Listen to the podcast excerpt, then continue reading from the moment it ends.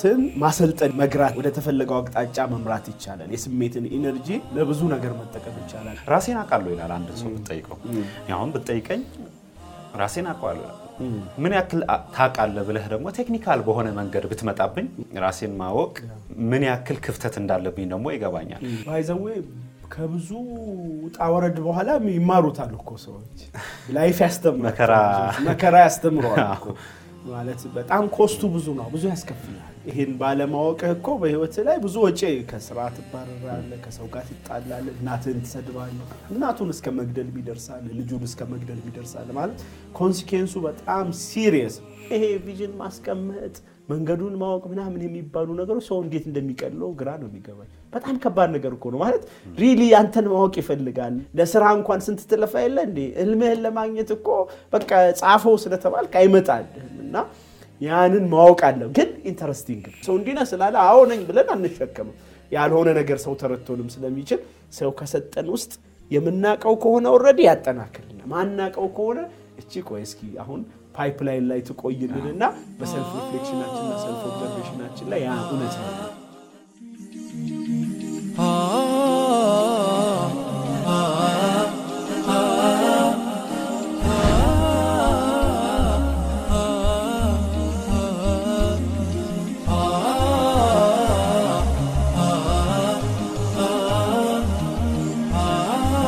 አሰላሙ አለይኩም ወረህመቱላሂ ወበረካቱ። የተከበራችሁ ተመልካቾቻችን፣ አድማጮቻችን እንደምን ቆይታችኋል? አዲስ ጣዕም የፖድካስት መሰናዷችን ጀምረዋል።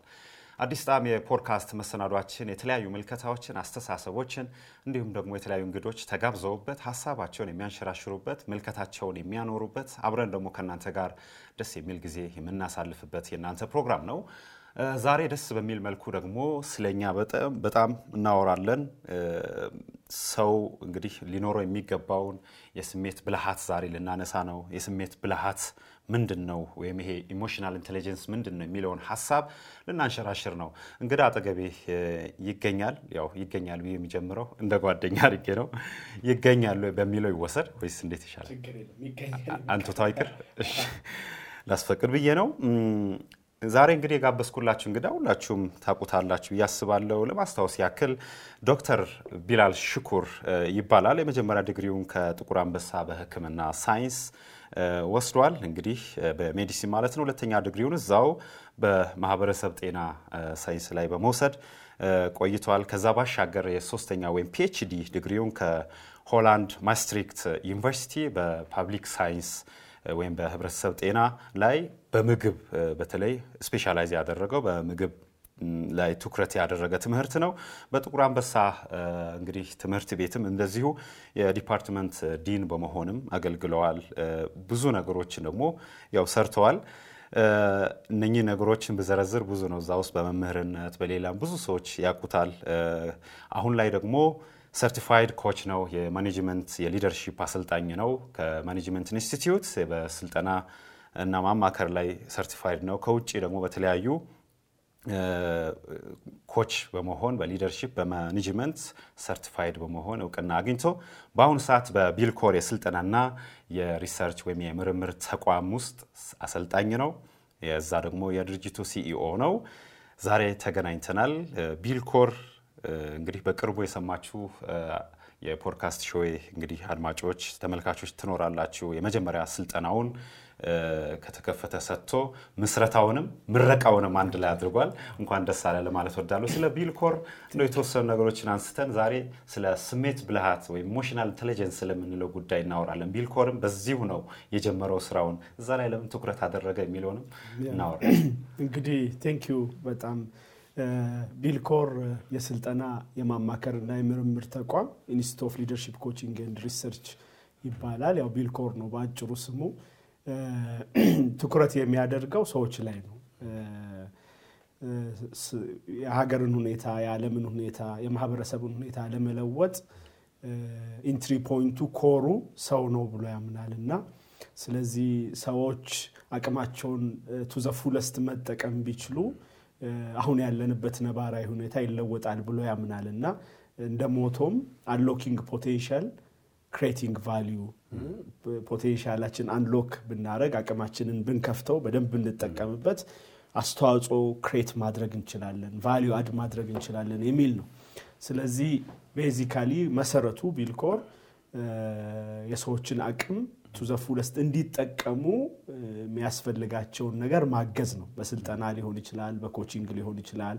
በተለያዩ መልኩ ያንን ያደርጋል። ከዛ በተጨማሪ ስልጠናዎቹ የ personal development ጋር የተገናኙ ግለሰብ ስብዕናን ከመገንባት ጀምሮ leadership ላይ፣ አመራር ላይ፣ research ም ላይ እንደዚሁ ስልጠና ይሰጣል። ከዛ ውጭ ደግሞ ምርምር ከትልልቅ ድርጅቶች ጋር ምርምሮችን በጤና ላይ፣ በ nutrition፣ በፖሊሲ፣ በ leadership ምርምሮችን ያደርጋል። እንግዲህ የመጀመሪያ batch ኣችን ምንድን ነው አስመርቀን ነው launch የምናደርገው። test እናርገውና ይሄ ነገር successfully ይሄዳል ብለን እናስባለን። of course ከስራ ጋር launch ማድረጉ ይሻላል ብለን አምነን የመጀመሪያ batch ኦቻችንን ሁለት batch ኦችን አንድ ላይ 35 35 ሰባ ገደማ ተማሪዎችን የአንድ ወር ስልጠና ሰጥቶ አስመርቋል። የመጀመሪያ ስልጠናችንን emotional intelligence ነው ያደረግነው።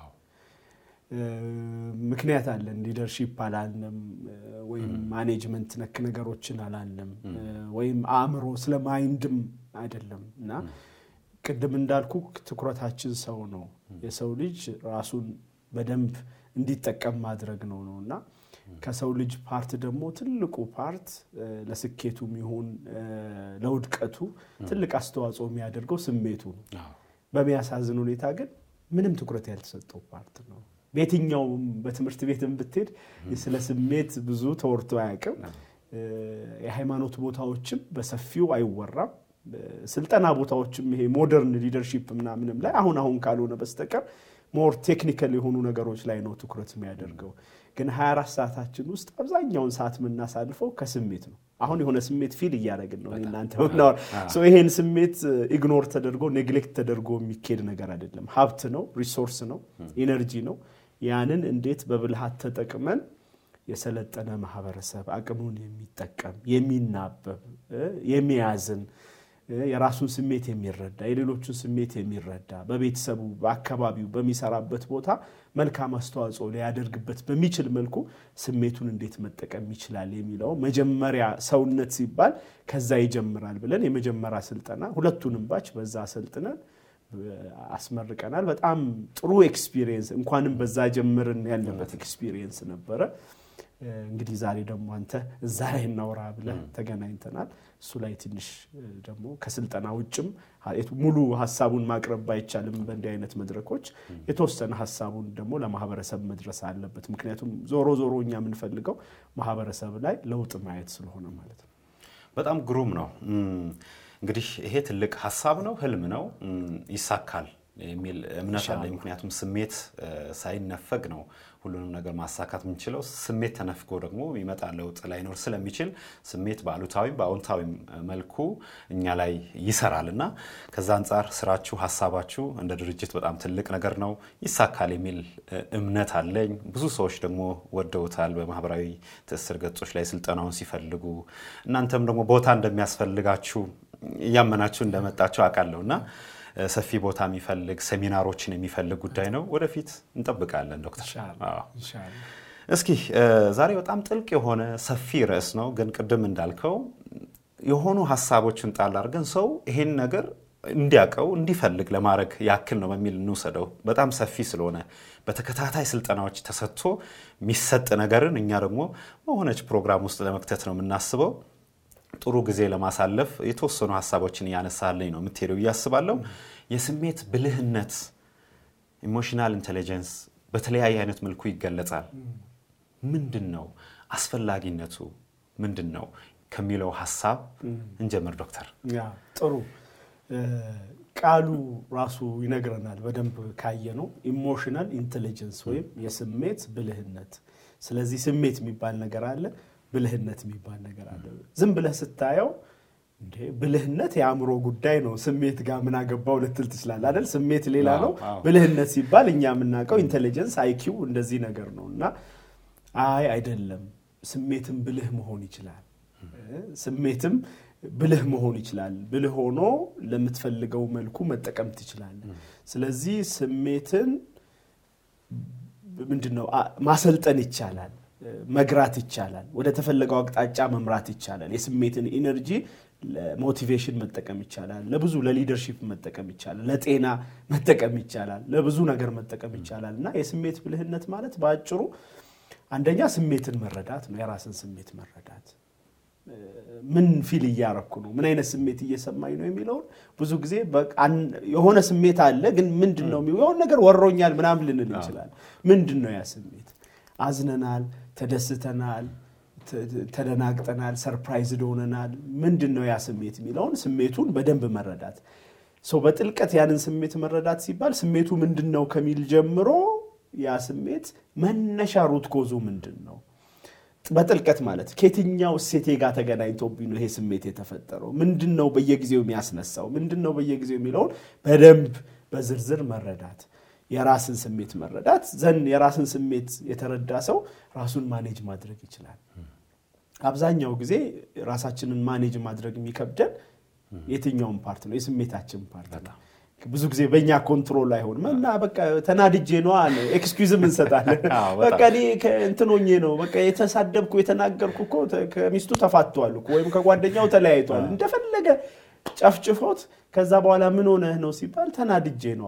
excuse ኡ ስሜት ከሆነ ችግር የለውም ማለት የሚል implication አለ። ግን ሰዎች ስራቸውን lose የሚያደርጉት ከትዳራቸው የሚፋቱት መድረስ ያለባቸው ቦታ ማይደርሱት ከሰው ጋር የሚቀያየሙት relationship ኣቸውን break የሚያደርጉት አብዛኛውን ጊዜ ስሜታቸውን control ባለማድረግ manage ባለማድረጋቸው በአንድ በኩል ማለት በሌላ በኩል ደግሞ ያንን ስሜት okay manage ማድረጉን ተውና ያንን ስሜት ለ motivation እንኳን አይጠቀሙት። okay ደስ የሚል ስሜት አለኝ በቃ ደስ ብሎ ቁጭ ነው የምትለው ወይስ ያንን energy ወይም የደስታም ይሁን የሀዘንንም የንዴትን ስሜት positively ለ productivity መጠቀም የምንችልበት ወይ ስለዚህ ስሜትን ማወቅ አንደኛው፣ ስሜትን manage ማድረግ ራስን manage ማድረግ ሁለተኛው ነው።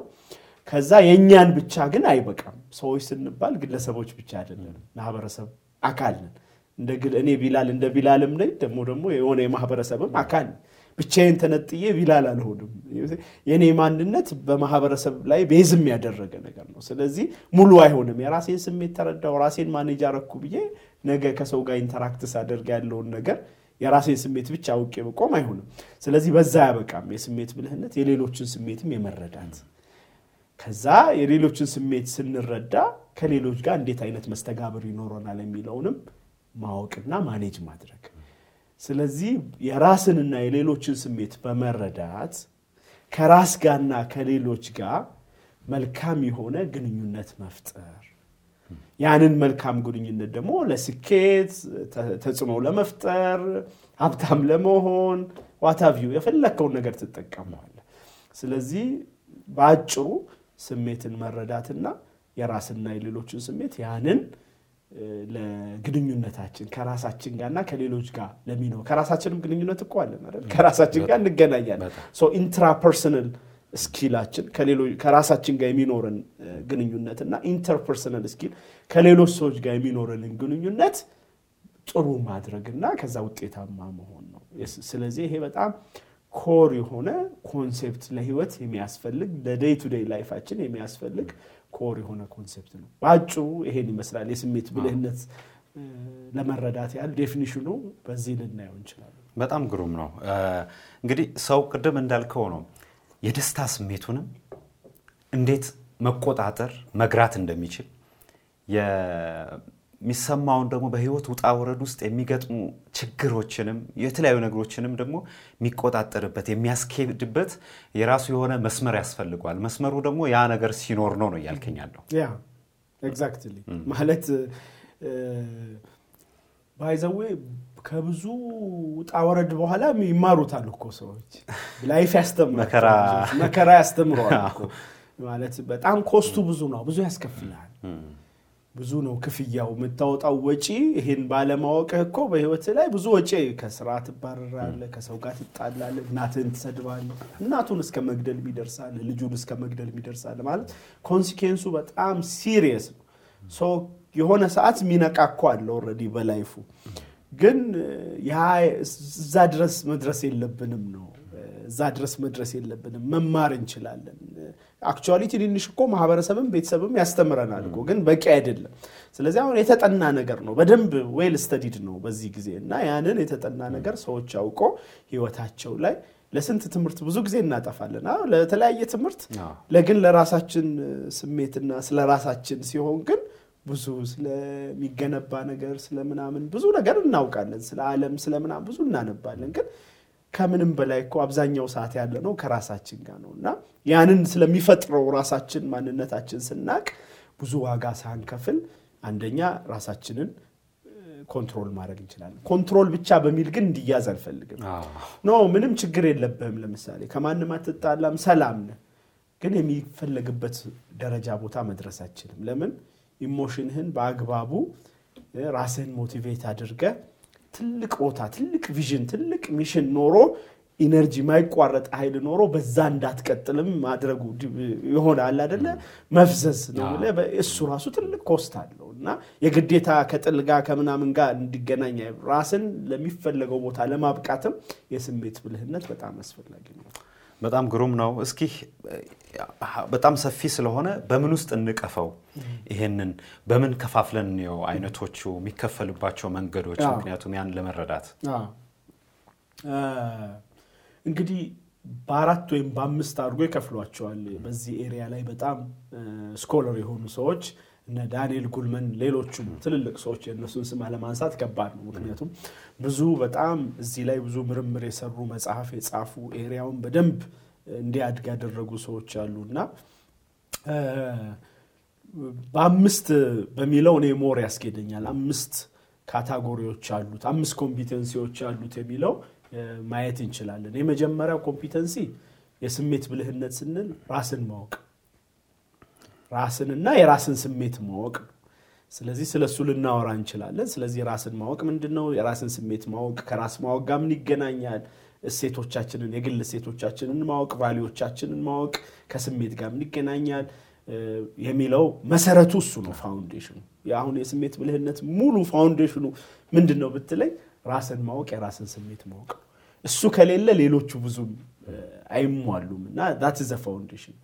ሁለተኛው ቅድም እንዳልነው ራስን manage ማድረግ ነው። self management ይሉታል። ስለዚህ ራስን መምራት ወይም ራስን ማስተዳደር ወይም ራስን መግዛት ወይም ራስን manage ማድረግ የሚለው self management ሁለተኛው core competency ነው። ሶስተኛው ከዚህኛው ጋር more merge የሚያደርጉት ራስን manage ከማድረግ ጋር የሚቀላቅሉት እኔ ብቻውን ቢወጣ ይገባዋል የምለው ራስን motivate ማድረግ ነው። self motivation በጣም ራስን manage ከማድረግም በላይ ስለሆነ ማለት ነው እና ሶስተኛው ራስን motivate ማድረግ ነው። ማበርታት ማበርታት፣ ማነቃቃት፣ exactly ራስን ማነቃቃት፣ ማበርታት ምንድን ነው መነቃቃት ወደምትፈልግ ከራስህ ማለት ከራስህ ራስህን ወደምትፈልገው ቦታ ለመውሰድ ኃይል ማግኘት ማለት ነው። እሱ ሶስተኛው ነው። አራተኛው እንግዲህ ሌሎቹን ማወቅ ነው። ቅድም ራስን ማወቅ ብዬ የለ ራሳችን እኮ በሌሎች ውስጥም አለን እና የተነጠልን አይደለም ማህበረሰብ ነን እና ሌሎቹን ማወቅ የሌሎችን ስሜት ማወቅ ለሌሎች ማዘን ስለዚህ የመጀመሪያው ሶስቱ ከራስ ጋር የተገናኙ ናቸው። አሁን ደግሞ ከሌሎች ጋር የተገናኙ ነው። ሌሎቹን መረዳት፣ ማወቅ፣ ማንበብ፣ ስሜታቸውን ማየት ከፊታቸው፣ ከንግግራቸው፣ ከአኳኋናቸው በደንብ መረዳት፣ ማወቅ፣ ስሜታቸውን መረዳት። ከዛ መጨረሻ ላይ okay ራስህን አወቅ፣ ራስህን manage አረክ፣ ራስህን motivate አረክ፣ ሌሎቹን አወቅ። at the end ምንድን ነው የሚፈጥረው? ይሄ social skill ህን ከሰዎች ጋር ያለህን መስተጋብር በጣም manage ማድረግ ነው፣ ማስተዳደር ጥሩ ማድረግ ነው። ስለዚህ እነዚህን አምስት component ኦች የያዘ ነው በአጠቃላይ emotional intelligence ወይም የስሜት ብልህነት የምንለው ማለት ነው። በጣም ጥሩ ሀሳቦች ናቸው። እንግዲህ እነኚህ በተወሰነ መልኩ ሰዎች ራስን ማወቅ የሚለውንም concept የሚረዱበት መንገድ ራስን ማወቅ ምንድን ነው መሰረቱ ምንድን ነው ሊሆን የሚገባው? ራሴን አውቃለሁ ይላል አንድ ሰው ብትጠይቀው። አሁን ብትጠይቀኝ ራሴን አውቃለሁ ይላል። ምን ያክል ታውቃለህ ብለህ ደግሞ technical በሆነ መንገድ ብትመጣብኝ ራሴን ማወቅ ምን ያክል ክፍተት እንዳለብኝ ደግሞ ይገባኛል። እነኝን በስራ ቦታ interview ዎች ላይ ልናይ እንችላለን። ሰዎች ጎበዝ ናቸው፣ ይሰራሉ፣ ያውቃሉ። የሆነ skill አለው ሰው እውቀትም በመማር የሚያመጣቸው። ራስን ግለጽ ሲባል ማጣፊያው ይጠፋዋል ወይ? ወይም ደግሞ ራሴን አውቃለሁ ካለ በኋላ እኔ እንዲህ ነኝ ካለ በኋላ በሌላ መልኩ ሲገለጥ ራሱን ያገኘዋል። እና እነኝህን ስሜቶች እስኪ ራስን ማወቅ የሚለውን ጋር አያይዛ ራስን ማወቅ እኔ በሚገባኝ በጣም ረጅም ጊዜ የሚወስድ process ነው። ሙሉ በሙሉም አወቅኩ ብለህ የሚጨርሰውም ነገር አይደለም። በቃ ጨርሻለሁ ቢላል ማለት ይሄ ነው ሙሉ ልል አልችልም። ምክንያቱም እኔ እኮ አላለቅኩም ገና ምቀጥል ነኝ። ገብቶሃል አይደለ? ገና አላለቅኩም። እኔ ማለት የትላንቱም የዛሬውም የነገውም ነኝ። ስለዚህ ታሪኬን ሙሉ አውቃለሁ ወይ? ዛሬ ያለኝን ነገር ሁሉ አውቃለሁ ወይ? ወደፊቱን እና የሚቀያየሩ ነገሮችም አሉ እና ከዛ ደግሞ ይሄ የራስ ማንነት በማህበረሰብ context ውስጥ ነው የሚገለጸው። ስለዚህ አንዳንድ ሰዎች ራሳቸውን ከሌሎች ሰዎች የተሻለ ያውቃሉ፣ በአንጻራዊ ማለት ነው። ስለዚህ ጨረስኩኝ ራሴን አወቅኩ ብሎ የሚያልቅን የሚቀመጥ ነገር አይደለም። ግን በአንጻራዊ የተሻለ ራሴን አውቃለሁ ማለት የሚቻልባቸው መንገዶች አሉ። ሰው ራስን ማወቅ ሲባል ብዙ ሰዎች የሚመስላቸው በቃ ምን እችላለሁ ምን አልችልም ከስኪል ጋር ያገናኙታል፣ ወይም ከሙያቸው ጋር ያገናኙታል፣ ወይም ካሉበት የሆነ የስራ ዘርፍ ጋር ያገናኙታል። ያ በጣም superficial ነው ማለት የሚችሉት ማይችሉት ነገር ሰልጥኖ ያመጡት ተምሮ ያመጡት ነገር ነው። ያንን ይሄን እችላለሁ ይሄን አልችልም ማለት አንድ ነገር ሊሆን ይችላል። ግን በጥልቀት ራስን ከማወቅ ጋር የሚገናኝ ነገር አይደለም። በጥልቀት ራስን ማወቅ በጣም ረጅም process የሚፈልግ ከራስ ጋር ብዙ ማውራት የሚፈልግ ከሌሎች ሰዎች ጋር ብዙ ማውራት የሚፈልግ ሂደት ነው። ከዛ okay ዛሬ የኔ ማንነት ይሄ ነው ካልከ በኋላ ደግሞ በሂደት ደግሞ በሚፈጠሩ ነገሮች ስትፈትሸው እኔ እንዲህ ብዬ አስቤ ነበር፣ ለካ ትክክለኛው ማንነት ይሄ አይደለም፣ ይሄ construct ነው የሆነ ማህበረሰቡ የሰጠኝ እንጂ የኔ አይደለም ይሄ ማንነት ሁላ ምንልበት አለ። ስለዚህ አንዱ ራስን ማወቅ ውስጥ ትልቁ core value ዎቻችንን ማወቅ ችለናል ወይም የእኛ በጣም መሰረታዊ የሆኑ እንደ ግለሰብ እሴቶቻችን ምንድን ናቸው?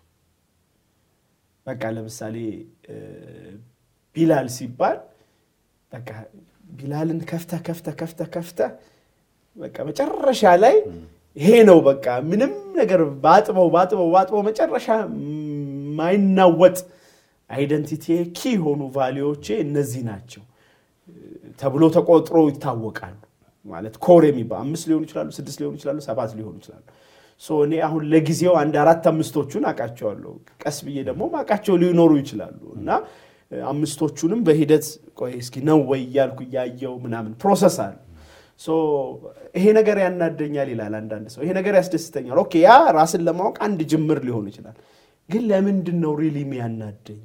መሰረቱ ምንድን ነው? ከየትኛው እሴቴ ማንነቴ ጋር ስለተገናኘ ነው ቢያናደኝ የሚለው ጋር እስካልሄደ ድረስ አንደኛ ስሜቱንም ለመቆጣጠር በጣም ይቸግረዋል። ራሴንም ሙሉ በሙሉ አወቅኩ ማለት ይከብደዋል። ያወቀው መገለጫውን ስለሆነ ማለት ነው። ይሄ እንትን ስትናገረው ስጮሁበት እኮ ይናደዳል። ወይም ደግሞ እንትን አይወድም ምናምን በሚል ደረጃ ልክ ይህን ምግብ ይህን ምግብ አይወድም እንደሚባለው ይሄ ያናደዋል፣ ይሄ ያስከፋዋል፣ ይሄ ያስደስተዋል የሚባሉ ነገሮች ምናልባት ከላይ ያሉ መገለጫዎች ሊሆኑ ይችላሉ። እነሱን ማወቅ ጥሩ ነው። ግን የእነሱ root cause ና መሰረት ደግሞ ማወቅ ነፃነትም ይሰጣል። እነሱን ስታቃቸው ባህሪህንም መቀየር ትችላለህ። እነሱን ስታቃቸው መገለጫዎችንም በሚፈለገው መልኩ shape ታደርጋለህ እና እኔ ራስን ማወቅ የሚባለው ነገር በአንዴ የሚመጣ አይደለም። በጣም ከራስ ጋር reflect ማድረግ ከሰዎች ጋር በጣም ስለ ራስ በመነጋገር ከማንበብ ጉዞ ከማድረግ አንዳንድ አጋጣሚዎች ሲወጡ ሲፈጠሩ ፊልም የምታደርገውን ነገር የሆንከውን ነገር በጣም observe ከማድረግ imagine ከማድረግ ወደፊቱንም ጭምር በደንብ ራስን challenge ከማድረግ የሚመጣ ምንድነው ንጥር ብሎ የወጣ ማንነትን የማግኘት ጉዳይ ነው። ያ እንግዲህ የሰው ልጅ ማንነትን ከማወቅ ደግሞ ይጀምራል። አሁን ይሄ ዝም ብሎ ቢላል የሚባል ነገር ዝም ብሎ አልተፈጠረም እና ከየት ነው የመጣሁት? ይሄ ስሩ ፍልስፍናው ሰው ልጅ ምንድን ነው? ለምንድን ነው እዚች ምድር ላይ መጣው? ትርጉሙ ምንድን ነው? እዚች ምድር ላይ ምንድን ነው ማስተላለፍ አለብህ እንደ ሰው ጠቅላላ የተሰጠው ኃላፊነት ምናምን የሚለው foundation ኑ እሱ ነው። ስለዚህ እሱን የሚያውቅበት የራሱ source ይኖረዋል። የሃይማኖት ሰው ከሆነ ከቁርአን እንደዚህ ሊያውቅ ይችላል፣ ወይም ከሌሎች source ኦች ሊያውቅ ይችላል። ሃይማኖት የሌለኝ ተፈላስፎ የሆነ ያ ሊደርስበት ይችላል። ከማህበረሰብ ሳይንስ የሚያገኘው ነገር ይኖር ይችላል።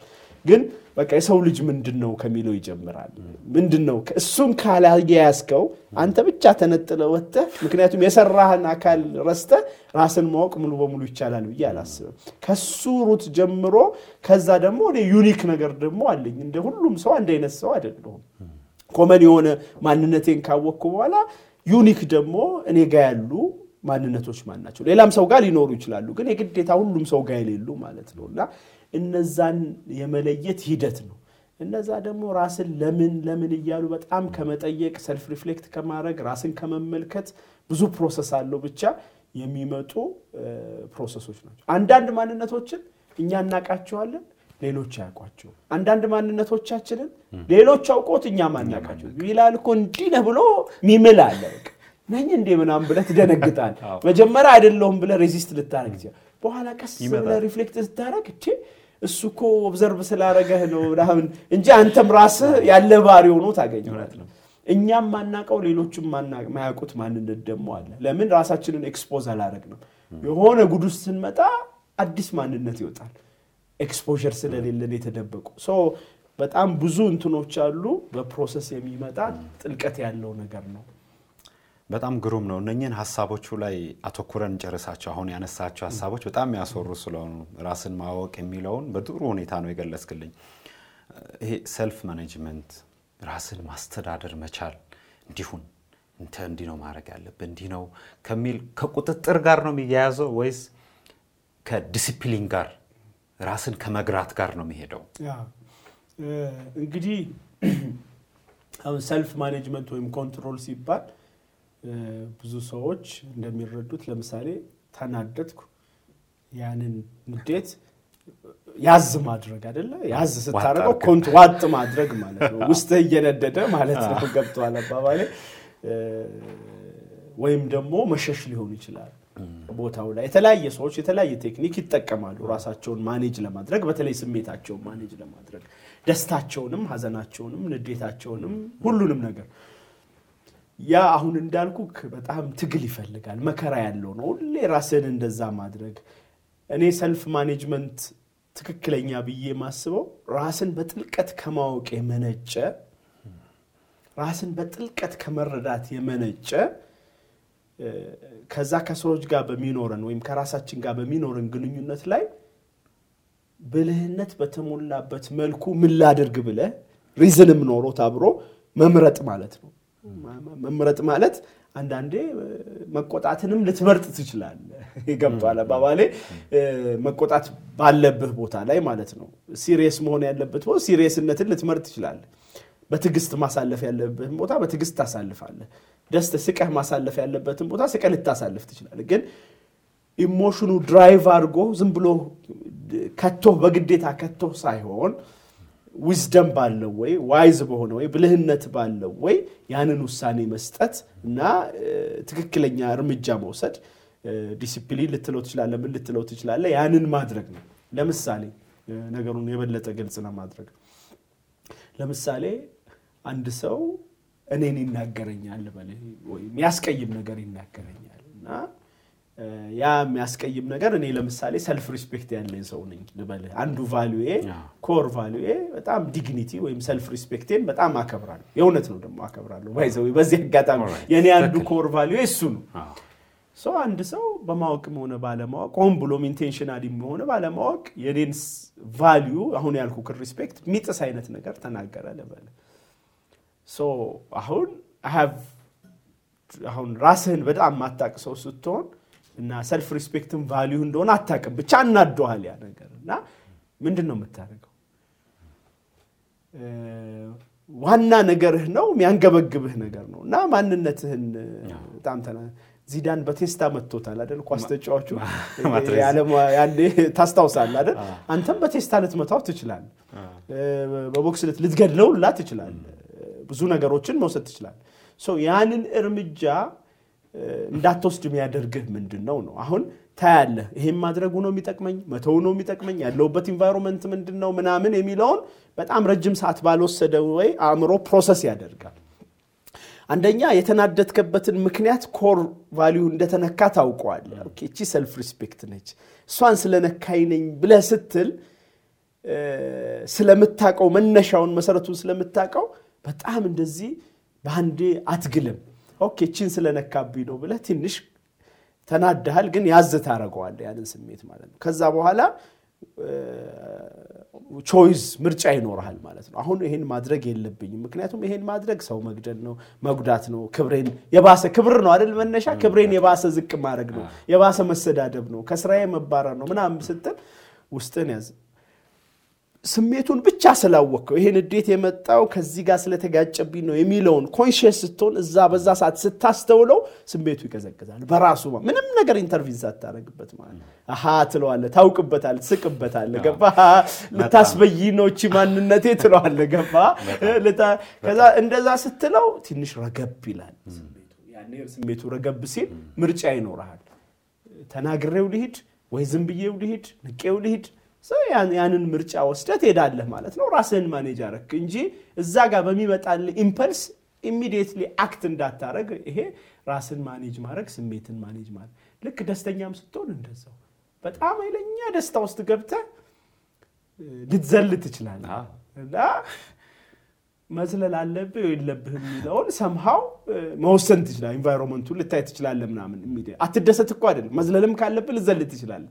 ግን በኋላ ሊጸጽትህ በሚችል መልኩ ትክክለኛ ያልሆነ ቦታ ላይ ትክክለኛ timing ባልሆነ ቦታ ላይ ያንን express አታ እምነትህን እሴትህን በሚጥስ መልኩ ማንነትህን፣ እምነትህን፣ እሴትህን ትክክለኛ ያልሆኑ ሰዎች ቦታ ላይ ለምሳሌ በጣም በአንተ የሚመቃኙብህ ሰዎች ሆኖ ያንን express ማድረግ የሌለብህ ስሜት ሊሆን ይችላል። ምክንያቱም የበለጠ ጥላቻ ልትፈጥር ነው አይደለ? envy ልትፈጥር ነው። ስለአንተ ደስታ በጣም ደስ የማይላቸው ሰዎች ከሆኑ እዛ ቦታ ላይ express ማድረግ ላይኖርብህ ይችላል።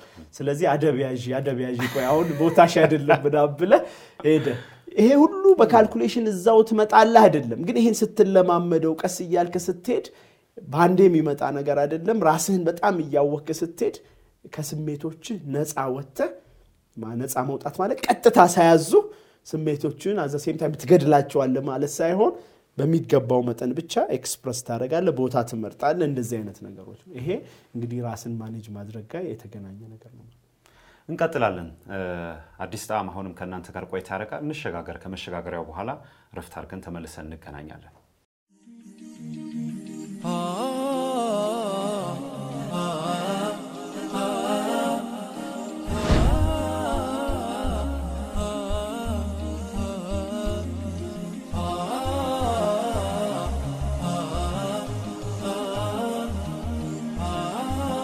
ፕሮግራሙ አዲስ ጣዕም ነው። ዛሬ እያወራን የምንገኘው ሀሳብ ደግሞ የስሜት ብልህነት ላይ ነው። ዶክተር ቢላል ሽኩር እዚህ አጠገቤ ይገኛል። ጥሩ ሀሳቦች እየተነሱ ይገኛሉ። እንቀጥልበት። ቅድም እያነሳን የነበር ነው የስሜት ብልህነት ውስጥ ሊካትቱ የሚችሉ ጉዳዮች ለማስረዳት እንዲቀል ሰው ደግሞ በደንብ እየተረዳ እንዲሄድ የሚያስችሉ ሀሳቦች ናቸው። ራስን ማወቅ፣ ራስን ማስተዳደር መቻል የሚሉ ሀሳቦችን አንስተናል። እስኪ ቀጣይ ሀሳቦችን አከታትለህ እንድታነሳልን እፈልጋለሁ። ራስን ማበርታት ላይ ሌሎችን መረዳት ከሌሎች ጋር ደግሞ ያለውን መስተጋብር አያይዘህ ታነሳና ሰዓታችንን በደንብ እንድንጠቀም በኋላ ላይ እንቀጥል። እንግዲህ የዘመኑ አንዱ ትልቁ ጥያቄ ምንድን ነው? motivation ነው አይደል? ሰው ራሳችን ሞራል አጣን፣ energy አጣን፣ ራሳችን motivate ስለዚህ motivational speaker ጋር አይደለ? ሰዎች የጊዜው ፋሽን ነው አይደለ? ሰዎች በመሰረቱ ከ foundation ኡ ራሳቸውን እንዴት motivate ማድረግ ይችላሉ የሚለው አንዱ የስሜት ብልህነት አንዱ core ነገር ሰዎች value ኦቻቸውን በደንብ ካወቁ ራሳቸውን ካወቁ ምንድን ነው እኔ ትልቅ ዋጋ የምሰጠው ነገር እዚች ምድር ላይ አንድ ሁለት ሶስት አራት አምስት ይለያል። እኔ አንተ የግድ አንድ ላይ ሆን ይችላል። አንዱን ነገር ያለው እኔ ለምሳሌ dignity ነው ብያለሁ። ራስን በቃ ለራስ ክብር መስጠት፣ ለሌሎቹም ክብር መስጠት አንዱ value ነው። ሌላው ለምሳሌ justice ነው የኔ አንዱ core value። በዚሁ ይፋ ላድርገው በዚሁ አጋጣሚ ፍትህ ጉዳይ አላውቀውም ነበር ድሮ፣ ግን ብስጭቴም ደስታዬም ከእሱ ጋር የተገናኘ ነው። ምን እንደሆነ አይገባኝም። any የሆነ ነገር ፍትህ ሲጓደል በጣም ደስ የማይል ስሜት ይሰማኛል። ግን core value ነው ብዬ አስቤው አይደለም። የሆነ ደግሞ ፍትህ የሚመስል ነገር ሲሸተኝ እኔ በጣም ደስ ይለኝ። ለሱ ሲባል ከሱ ጋር የተገናኘ ነገር ሲሆን ስራም መስራት አይከብደኝም። በቃ አግዛለሁ ሰውንም ምናምን ያ እንዲመጣ ማለት ነው ስለዚህ አሁን ሰዎች ራሳቸውን በደንብ ሲያውቁ ኮር ቫሌዎቻቸውን አሁን እንዳልኩ አንድ ሁለት ሶስት አራት አምስት እያሉ በደንብ ሲለዩ እነዚህ ነገሮች የኔ በቃ በጣም ኮር ነገሮች ናቸው የሚሏቸውን ከለዩ ከእነሱ ጋር በተገናኘ ደግሞ የትኛው ስሜቴ ከየትኛው value ጋር ተገናኝቶ ነው የሚመጣው የሚለውን ከለዩ በእነሱ ጋር የሚሄድ የህይወት እቅድ ይኖራቸዋል። ከነሱ identity ጋር ከነሱ ማንነት ጋር ከነሱ አቅም ጋር የሚሄድ የስራ መስመር የህይወት መስመር ምናምን ይኖራቸዋል። ፕላን ያደርጋሉ። በዛ መንገድ ከሆነ የሚሄዱት ቅድም ያልኩህን ስሜቶችን ራሳቸውን motivate ለማድረግ ያስቀምጣሉ። ለምን natural ነዋ። ምክንያቱም ሰው ዋጋ ለሚሰጠው ነገር በደንብ ዋጋ የሚሰጠውን ነገር ካወቀ ከተረዳ፣ ራሱን በደንብ ካወቀ ከተረዳ፣ ስሜቱን ለነዛ ነገሮች positively መጠቀም ከቻለ ራሱን በደንብ ማነቃቃት ይችላል። ስለዚህ ሁል ጊዜ አይፈልግም external ነገር ማለት ነው። internally ከራሱ የሚቀዳ ማነቃቂያ መንገድ ይኖረዋል። ያ እንዲሳካለት ዓላማው ማለት ነው። ከማንነቱ ግን አንዳንድ ሰው ማንነቱን በደንብ ካላወቀ ቫሊዩን ካላወቀ ፕላን የሚያደርገው ምን ሚለው ምን ሚለው ከዛ ውጭ የሆንና ላይፉ እንዴት ኢነርጂ ይምጣለት ገባ የእሱ አይደለም ያ ነገር። ስለዚህ ግዴታውን ይሰራውል እኮ አይሰራውም አይደለም፣ ግን ይኸው እየታከተው ምን እያለው ገብተዋል አበ ደስ እያላለው ምና ከዛ የሆነ ቦታ የሆነ ነገር ይሰማል። አንድ ሁለት ቀን ይነቃቃል፣ ይመለሳል፣ ይሄዳል፣ ይመለሳል። ኦፍኮርስ ሁሉም ሰው ራሱን ላያገኝ ይችላል፣ ግን somehow ወደዛ የሚወስዱትን ነገሮች ራሱ መሄዱ በራሱ motivate ያደርገዋል እና ራስን continuously ማነቃቃት motivate ማድረግ ራስን ከማወቅ ጋ የራስን ስሜት ከማወቅ ጋ ራስን manage ከማድረግ ጋር አብሮ የተያያዙ ነገሮች ናቸው። ያ በጣም እንግዲህ ራሱን የቻለ ትልቅ discussion የሚፈልግ ሰዎች ራሳቸውን አውቀው ስሜታቸውን በደንብ ሲረዱ ስራ እየሰሩ flow ውስጥ ይገባሉ። ለሶስት ሰዓት ለአራት ሰዓት አብዛኛው innovator ኦች ዓለም ላይ አዳዲስ ነገር የፈጠሩ ሰዎች ዱቲንግ አሁን አንድ ሺህ ጊዜ ሞከረ፣ መቶ ጊዜ ሞከረ፣ አምስት መቶ ጊዜ ሞከረ ይባላል። ለእሱ ይደክመናል። እኛስ እንዴት ነው አይሰለችውም? እንዴ ሁላ ዓመት ምንድን ነው ትላላል። እሱ ግን እንዳንተ አይደክም። አንተ ስላሰብክ እኔ ስላሰብኩ ስለሱ ይደክመናል። ለምን የእኛ ጉዳይ አይደለም። እሱ ግን እዛ ውስጥ ገብቶ ያንን ሰርቶ እስኪወጣ ድረስ ምናልባት የሰላሳ ደቂቃ የአንድ ሰዓት ስራ ያህል አልተሰማውም። ለምን? flow ውስጥ ነው። flow ውስጥ ማለት ሙሉ ስሜቱ ምኑ ምኑ እዛ ነገር ውስጥ ገብቷል። ስለዚህ ድካም ይመስልሃል አንተ፣ እሱ ግን በቃ የለም። እዛ ውስጥ ገብቶ ምናምን በኋላ ምናልባት ቤቱ ገብቶ ሲያርፍ ይህን ሁላ ሰዓት ደክሞኛል እንዴ ይላል። ከስሜቱ ሲወጣ እና ያንን ስሜት ለሚወደው ነገር በጣም የ art ሰዎች አይታቸው ከሆነ የሳይንስ ሰዎች አንዳንድ በቃ የሆነ ነገር የሚፈጥሩ ሰዎች አይታቸው ከሆነ እንዳይደክምህ የሚያደርግህ ስሜትህን በደንብ እዛ ውስጥ ከተህ የምትሰራው ነገር ውስጥ ከተህ ስትሰራ ሙሉ focus ይኖረሃል። ሙሉ ስሜት እዛ ውስጥ ይሰበሰባል። pleasure ነው። ሰዎች ለምንድን ነው የሚያዩት? እንዲህ መዝናኛ ነገሮች ምናምን ሲገቡ እኮ ደስተኛ ናቸው። ስሜታቸው እዛ flow ውስጥ ይገባሉ። ስራንም እንደዛ ማድረግ የሚቻልበት እድል አለ። passion ህን ካወክ፣ value ህን ካወክ፣ ምንህን ካወክ ማለት ነው። ያ እንግዲህ ከ self motivation ጋር ስሜትን ለ self motivation ስሜትን ራስን ለማነቃቃት መጠቀም ጋር ራስን ከማወቅ ጋር ተያይዞ የመጣ ነው። ሌላው እንግዲህ የሌሎቹን ስሜት መረዳት። እዚህ ጋር አንድ ነገር እንደው በደንብ አስረግጠህ training ላይ አንተም ስታነሳ ሌሎች ደግሞ በዚህ ዘርፍ ላይ ያሉ ምሁራን ይሄን አሁን ያነሳውን ሰው motivated እንዲሆን እንዲነቃቃ የሆነ ተአምር የሆነ ነገር ቢመጣ በቃ ገፍትሮ ሊሄድ የተዘጋጀ ሰዓቱ አሁን እንዳልከው ሲሄድም አይታወቀው የሆነ ፍሎ ውስጥ እንዲገባ የሚያደርገው ነገር ብለው አንተም ታነሳለህ። እና አሁን ያለበትን ቦታ ማወቅ መሄድ መድረስ የሚፈልግበትን ቦታ መረዳትና እንዴት ደግሞ እዛ መድረስ እንደሚችል ከተረዳ በእነኚህ ሶስቱ ማዕቀፍ ውስጥ ሰው ብን ብሎ መሄድ ይችላል ካወቀ ህልሙን የሚሉ ሀሳቦች አሉ። እዚህ ላይ አስረግጠ ብታል። በጣም ትክክል። ራስን ማወቅ እኮ ምንለው አሁን ያልከው ነገር አሁን ያለበትን ቦታ በትክክል አወቀ ማለት ከዛ የሚሄድበትን ቦታ አወቀ ማለት process ኡን ደግሞ የተወሰነ ሁሉንም ላያቅ ይችላል። እንዴት እንደሚሄድ ካወቀ ራሱን አወቀ ከሚለው ጋር በጣም የሚሄድ concept ነው። ራስን ማወቅ ሲባል እኮ past ም አሁንም future ም ነው ብያለሁ እና ስለዚህ አቅጣጫው ገብቶታል። ስለዚህ ምን እንደሚጠብቀው ያውቃል። አሁን አንተ እስኪ አስበው ተነስተ የሆነ ቦታ የሆነ ነገር ተቀምጦልሃል፣ ያንተ ነው ያ ነገር፣ በጣም የሚያስደስትህ ነገር ነው፣ ሂድና ውሰድ ተብለህ በጣም የሚያስፈልግህ ነገር ነው። በቃ አሁን ለ survival በጣም የምትወደው የሚያስፈልግህ አንድ ሰው እናቱ ጠፍታበት፣ በጣም የሚወዳት እናቱ ጠፍታበት የሆነ ቦታ ቁጭ ብላ እየጠበቀች ነው። በጣም ነው የሚወዳት። በቃ value ነች። ከእሷ ውጭ ህይወት አይታየውም ምናምን do you think መንገዱ ቆይ አሁን ደከመኝ ፀሐይ የሚል ይመስላል። ዝም ብሎ ነው የሚሄደው አይደለ? አቅጣጫው ከገባው ሄዶ እንዴት አግኝቶ በቃ almost እንዳገኛት ያህል ቆጥሮ ነው የሚሄደው እና እንደዛ ያህል እንኳን clear ባይሆን somehow መንገዱ የሚሄድበት some level of clarity ካለው confidence ካለው አገኘዋለሁ የሚል confidence ካለው አየህ motivated ይሆናል ማለት ነው። motivated እንደሚያገኘው ያውቀዋል ያንን ነገር። ስለዚህ ለሚያገኘው ለሚወደው ነገር ደግሞ ሰው ልጅ ደከመኝ ሰለቸኝ ብዙ ጊዜ የሚያደክምና motivation የሚያጣ ጥርጣሬ ነው። እርግጠኛ አይደለም፣ ይሆናል አይሆንም፣ የኔ ነው አይሆንም፣ ወደዋለሁ አልወደውም፣ ያስደስተኛል አያስደስተኝም፣ መንገዱን አውቀዋለሁ አላውቀውም፣ አሁን ያለሁበት ሁሉም ነገር uncertain ከሆነ ምንም እርግጠኛ የሆንከበትና confidence ያለህ ነገር ከሌለ እኔ ለምን motivation ኡን አታገኝ አይመጣልህ። ግን በቃ ይሄ ነገር እዚህ ቦታ ያደርሳል እርግጠኛ ነህ አለ ሂድ ምናምን ስትባል የእውነት ከሆነ ብዙ ጊዜ ግን አንድ ማንሳልህ ነገር እዛ ጋር መድረስ ትችላለህ፣ ትልቅ ነገር ታልማለህ ይሉሃል ሰዎች። አንተም በቃ የግዴታ ብለህ የሆነ ነገር ትልቅ ታልማለህ። ግን ህልም አይባልም። ያ የእውነት ውስጥ አምነዋል ወይ ውስጡ አምነዋል ወይ ማለት የሆነ ኮንፊደንሱ አለ ወይ ነው። ገብቶሃል? የሆነ ነገር ጻፍከው እንዲህ ያህል ብር አገኛለሁ ወይ እንዲህ ቦታ ደርሳለሁ የሆነ ሰው ብለህ አልከው። በቃ ትልቅ ማለም ስላለብህ አለምከው። ያ ህልምህ ግን really በህልም ራሱ ይመጣብሃል ማለት ከስጋ ከደም ጋር ተዋህደዋል። እርግጠኛ ነህ እንደሚሆን ያ confidence ም ይፈልጋል እና ያ እርግጠኝነት ደግሞ የሚመጣው ራስን በደንብ ከማወቅ ጋ ነው።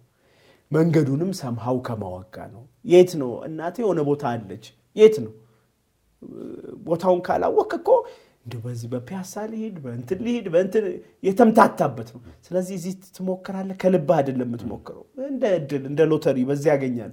ስለዚህ አንዳንድ ጊዜ vision ምናምን የሚባለው ነገር ይሄ ከራስ ጋር ያልተዋሃደ ማንነትን ያላወቀ መንገዱን ትንሽ ማያሳይ ከሆነ almost እንደውም መባከን ሊፈጥርልህ ይችላል። ምክንያቱም በቃ ትልቅ ነገር ነው ያሰብከው፣ በየቀኑ ስታየው ወደዛ እንዳልተጠጋህ ነው የሚገባህ።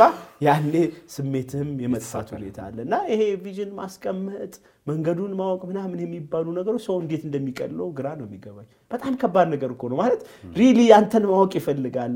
really እንትን ምንድን ነው በደንብ በቃ ተጨንቀህበት ከአንተ ጋር የሚሄድን ነገር ይፈልጋል እና እኔ በጣም ስንት ጊዜ ስለሱ ማውራት አለብህ። ስንት ጊዜ reflect ማድረግ አለብህ። ስንት ጊዜ ማብሰልሰል አለብህ። ስንት ጊዜ ሰዎችን ማውራት አለብህ። ለስራ እንኳን ስንት ትለፋ የለ እንዴ? ህልምህን ለማግኘት እኮ በቃ ጻፈው ስለተባልክ አይመጣልህም። እና ያንን ማወቅ አለብህ። ግን interesting interesting ነው። once ያንን identify ስታደርግ የሚሰማ confidence፣ comfort እንዳልኩ flow ውስጥ ትገባለህ ምናምን ብዙ ነገሮች አያስደነግጡህም ምናምን። ጉዞ ላይ ከሆንክ በመሀል ራሱ ቢቋረጥ already ጉዞው ራሱ እየቀረብክ ከመሆን ራሱ ደስታ ይፈጥርልሃል ምናምን እና ትክክል ነው ያነሳው ነገር ለማለት ነው። አዎ እንግዲህ ወደ ኋላ እየመለስኩ በጣም እያቆየው ነው። ልፍጠን ሀሳብህን ቀጥል። የ self motivation ብለን ሌሎቹም ጋር መረዳት የሌሎችን ስሜት መረዳት ወደሚለው ነበር ስንሻገር ነበር ነው።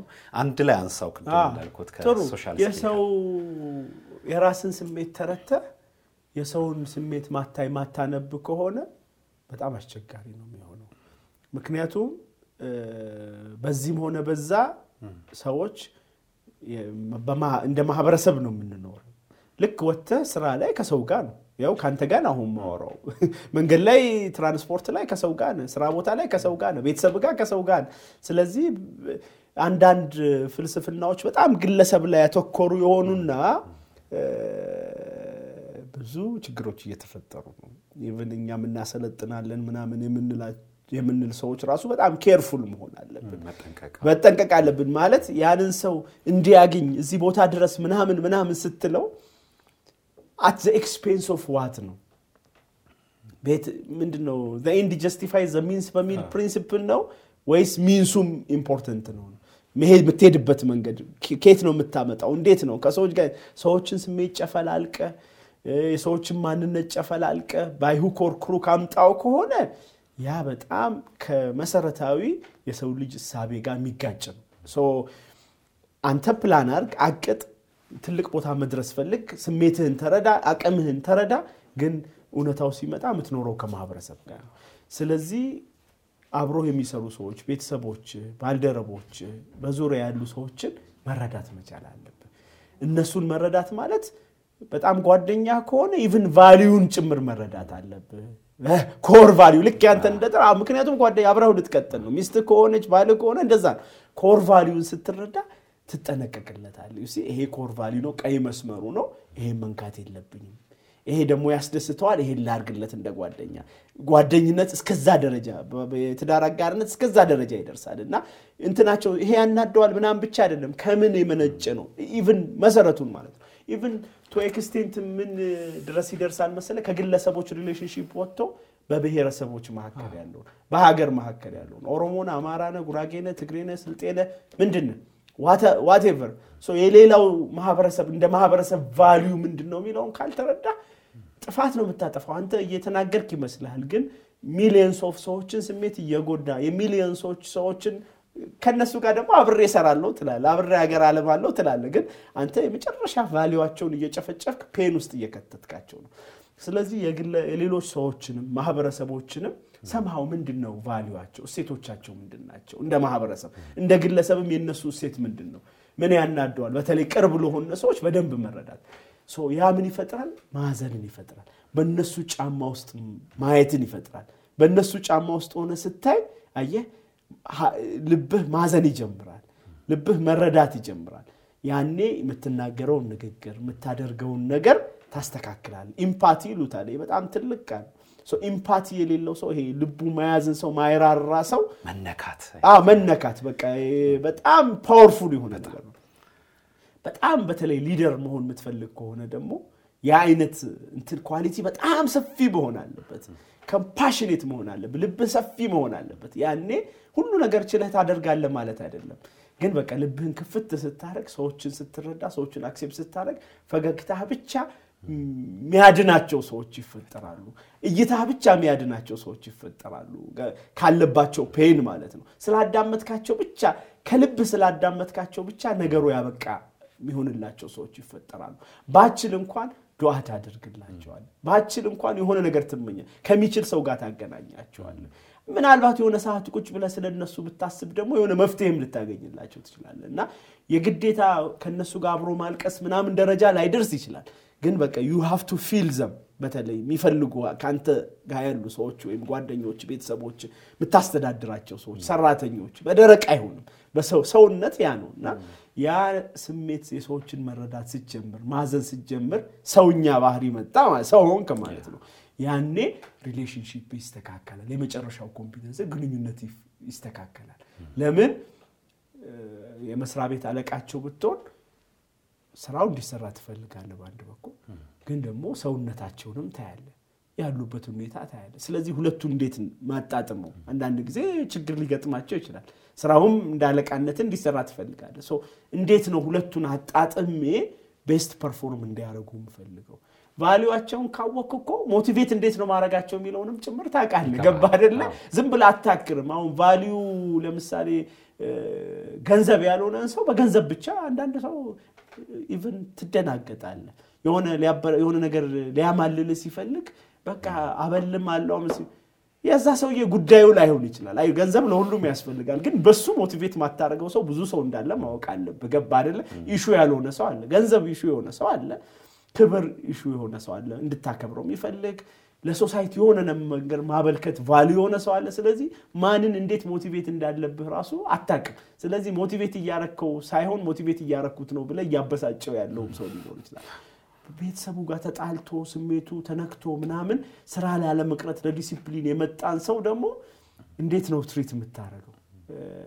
መምጣቱ ራሱ ቢነግርህ የነበረበት ነገር ቢመጥ መምጣቱ የምትገረምበት የሆነን ሰው ስራ ቦታ ላይ ጮኸበት ወይ ያልሆነ ነገር ፈጥረህ ምናምን እንደገና የባሰ ስብራት የምትፈጥርበት ሰዎች ብዙ ይኖራሉ። እና of course day to day ግንኙነታችን ላይ perfect ላንሆን እንችላለን። ግን at least ሰዎችን ትንሽ ሰዓት እኮ ብዙ ሰዓት አይፈጅም። ይሄ ማለት ሰዎች የሚመስለው ሁለት ሰዓት ቁጭ ብለን እናዳምጣቸው ላይ እንደዚህ አይናቸውን አይተ ፊታቸውን አይተ ምን ምን ላይ ነው ያለው የሚለውን ነገር ትንሽ መረ ከዛ ቃልህን ትቀይራል። የሆነ ነገር ልትነግረው ተቀጣሪህን በቃ ይቆይ አሁን ትላለህ። ፊቱን ስታየው he's not ready እንዲህ ነገር ለመስማት let me do it another time ግን by book ከሆንከስ ቁጭ በል ያለበት ስሜት ላይ ይሁን ምናምን ህግ ነው everything አሁኑኑ ካልሆኑ ትላለህ።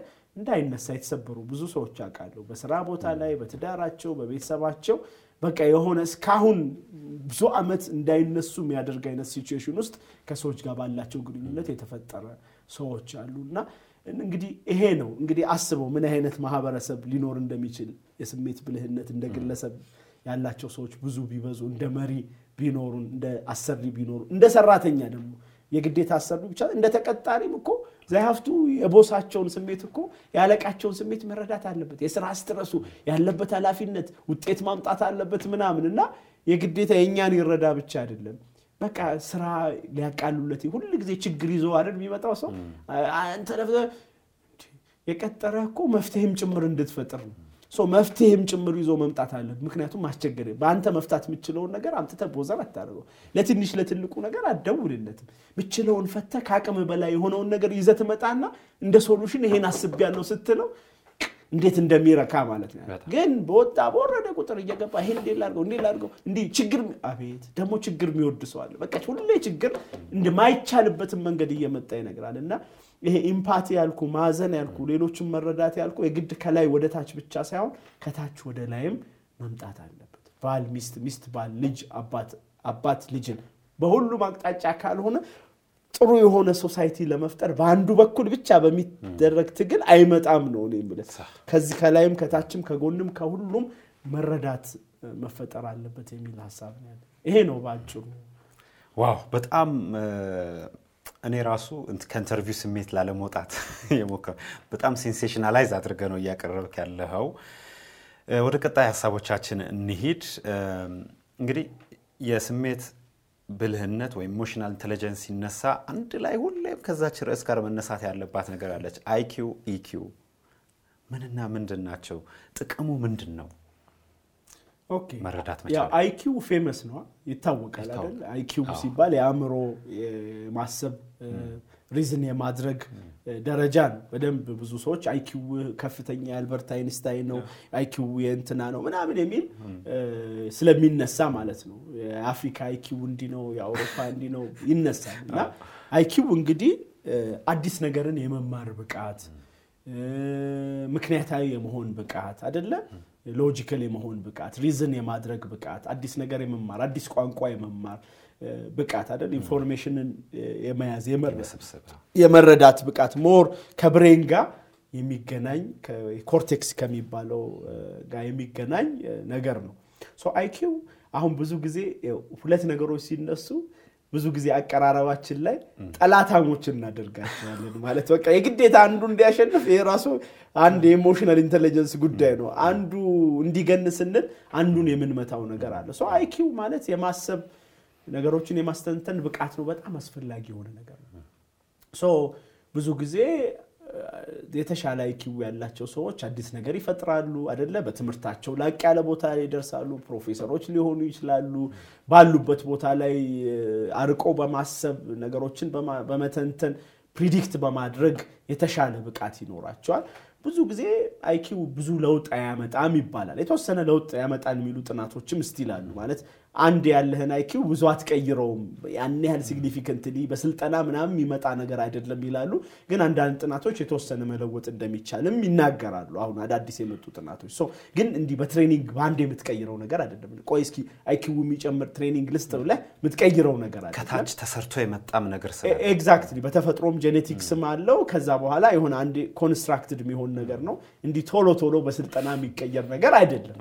ግን አለ ይቀየራል የሚሉም ከማንበብ አንዳንድ ነገሮችን ከ brain ጋር የተገናኙ ነገሮችን አሁን እንደገና መቀየር ይቻላል ከታደገም በኋላ የሚሉ አሉ። ግን easy እንዳልሆነ ግን ሁሉም ይስማማሉ። የ IQ ን level በአንዴ በስልጠና በምናምን በአንዴ መቀየር አይቻልም። ያ IQ እንለዋል። EQ የሚባለው emotional intelligence የሚባለው ደግሞ ከእሱ አንጻር ስናየው ምን ይመስላል? ስሜትንና ምክንያትን balance አድርጎ መሄድ ነው። ቅድም ስሜትን ምክንያታዊ ማድረግ ማብሰል ነው ብያለሁ እና ሀሳብ አይደለም ሀሳብ ብቻ ቶቱ ብቻ አይደለም። ስሜት አሁን ስሜቶቻችን እኮ ብዙ መልእክት አላቸው አይደለም። ለምንድን ነው የምንደሰተው? ለምንድን ነው የምናዝነው? ለምንድን ነው surprise የሆኑ መልእክት እየ አንዳንዴ ማይመች ስሜት ተሰምቶኛል፣ የሆነ ደብሮኛል፣ gut feeling ምናምን መልእክት እኮ እየነገሩ ነው። የሆነ ነገር አድርግ፣ የሆነ ለውጥ አምጣ፣ ያለህበት ቦታ message አላቸው እና ከ brain ጋር ይሄ limbic system የሚባል የ brain part አለ እና memory አለው by the way memory ያስቀምጣል። ከዚህ በፊት የተፈጠረብህን የስሜት ነገር የተፈጠረብህን trauma ጥሩ ነገር memory አለው። ስለዚህ አንዳንዴ brain ጋር ማሰብ ጋር ሳሄድ ያንን ቶሎ understand አድርጎ ፈጣን ምላሽ ይሰጣል። ምንም እንትን የለውም ማለት አይደለም። በስሜት ነው ምናምን እንደሚባለው አይደለም። አንዳንድ ጊዜ በደንብ ከተጠቀምንበት መረጃም ይዛል ማለት ነው፣ ማስታወሻም ይዛል እና ይሄ ኢንቱዊሽንን የመጠቀም reason ን ከመጠቀም በላይ ይሄ gut feeling የሚባለው intuition ውስጥን በደንብ አዳምጦ የመመራትን ነገር የያዘ ነው። ጥሩ ነገሩ ምን መሰለ ከ IQ የሚለየው interest ያደረገን እኛ የምናሰለጥነው መሻሻል ይችላል። እንደዛኛው ከባድ አይደለም መለወጥ መሰልጠን ይችላል፣ መማር ይችላል፣ ማደግ የሚችል ነገር ነው። ለዛ ነው ይሄን ሁላ ሰዓትም ወስደን የምናወራው እና EQ ነገር ያ ነው። በጣም በጣም መለወጥ ይችላል። በደንብ ራስን understand ከማድረግ አለው። ዛሬ ትላንትና በጣም እንትን የነበረ ችግር የሚፈጥር በ emotional intelligence ምክንያት ችግር የሚፈጥር የነበረ ሰው በህይወት አጋጣሚ ህይወት አስተምሮትም ይሁን ሰልጥኖም ይሁን ነገር ሌላ አይነት ሰው ሆኖ ልታገኘው ትችላል። በስሎ በስሜቱ በጣም የተሻለ ሰው ሆኖ ልታገኘው አንዱ ትልቁ ነገር መሰልጠን መቻሉ ልዩነት አለው። ሁለተኛው ከስኬት ጋር ያላቸው ግንኙነት ነው። ፈረስ ያደርሳል እንጂ ምንድን ነው የሚባለው? አይዋጋም ነው አይደል የሚባለው። አይኪው ውለታው የሆነ ቦታ ያደርሳል።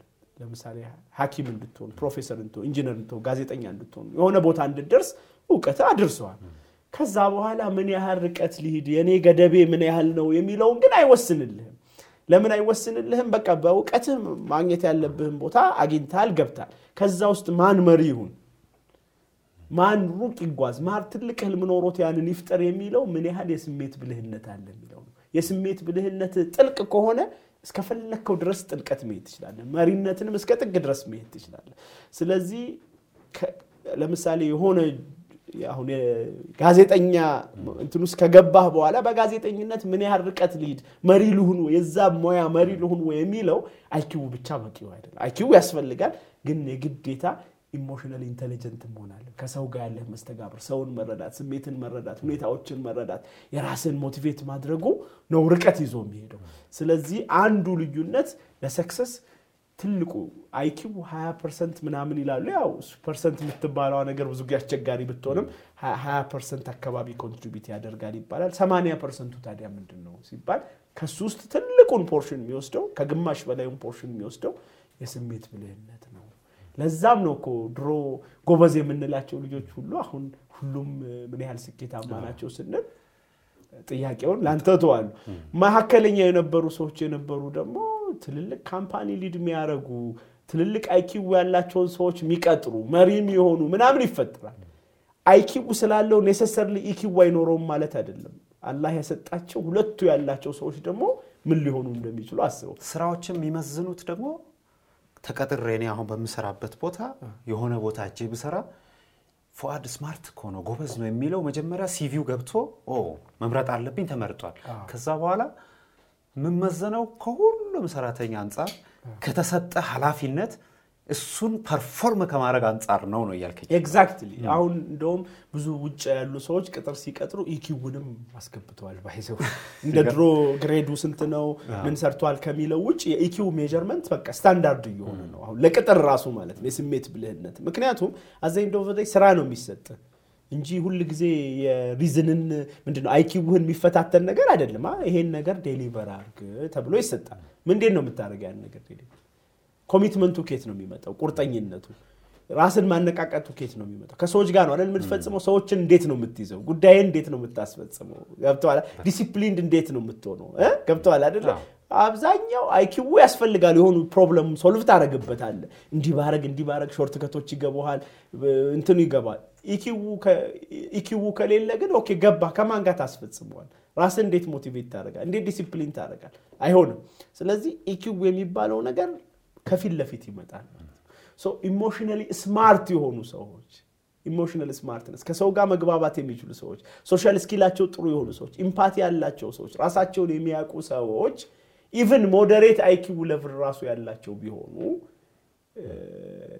ምክንያቱም high IQ ያለውን ሰው ራሱ እኮ አብሮ መስራት ይችላሉ። እነሱ ብልጥነታቸው ችግር ና ላማክር ብሎ ሀይ አይኪው ያለው ሊረዳቸውን ላይ ይችላል። ምክንያቱም ቲማቸው ውስጥ ማንን እንዴት መጠቀም እንዳለባቸው ያውቃሉ። ኮንሰልት ሊያደርጉ ይችላሉ። ስማርት ናቸው። እንትናቸውም ኢጓቸውም አነሰሰር ኢንፍሌትድ አይደለም። ይሄን አላውቅም ራሳቸውን ስለሚያውቀው ይሄን አላ በቃ ማላውቀው ነገር ላይ ሚስተር ከበደን ላማከር ብሎ ኮምፈርተብል ናቸው፣ ማማከር ይችላሉ። ያንን አድርገው ዘንድ ስራውን ፐርፎርም ያደርጋል። ስለዚህ አለቃ leader ኡ ምንድን ነው የሚያስደስተው? ስራውን ማን ፈጸመ ነው እንጂ calculus ኡ ምኑ ምኑ ማን የተሻለ መጣ አይደለም። ህይወት ላይ የሚሆን ማን መጨረሻ ላይ የሚፈለገውን ውጤት አመጣ the best ሁለቱም ያላቸው ከተገኙ best IQም EQም ያላቸው እነዚህ ሰዎች በቃ exceptional few ናቸው። በጣም በጣም important በጣም high IQ high EQ ያላቸው ሰዎች ካልተጠቀምንባቸው ራሱ በጣም ልንጠቀምባቸው ምንችል የሚገባ ሰዎች ናቸው።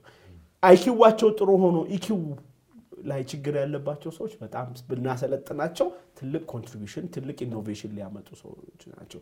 moderate IQ ኖሯቸው EQኣቸው emotional intelligence ኣቸው በደንብ ከመጣ still አይገድባቸውም። በደንብ ሩቅ መሄድ ይችላሉ በሚችሉት area ላይ እና IQ እና EQ ጠላታሞች ሳይሆኑ ሁለቱ አብረው ትልቅ ቦታ ሊያደርሱ የሚችሉ እንደ teamም ሁለቱ ያለበት ስብስብ ሲሆን ትልቅ ቦታ መድረስ ይችላል አደለ? team ኡ ላይ እኮ ያስፈልጋል የሚያረጋጋ ሰው፣ ስሜትን የሚረዳ ሰው ምና አንዳንድ ደግሞ በጣም problem solve የሚያደርግ strategist ምናምን ምና ሁለቱ combine ሆኖ ተናቦ መሄድ ሲችሉ ትልቅ ነገር መፍጠር ይችላሉ። ትልቅ ቦታ መድረስ ይችላሉ።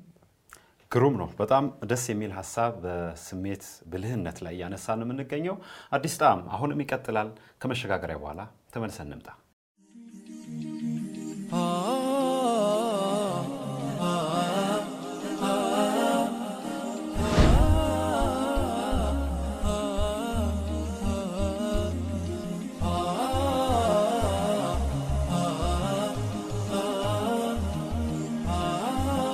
ፕሮግራሙ አዲስ ጣዕም ነው። እያወራን የምንገኘው emotional intelligence ወይንም ደግሞ የስሜት ብልህነትን ነው። ጥሩ ሀሳቦች እየተነሱ ነው የሚገኙት። ዶክተር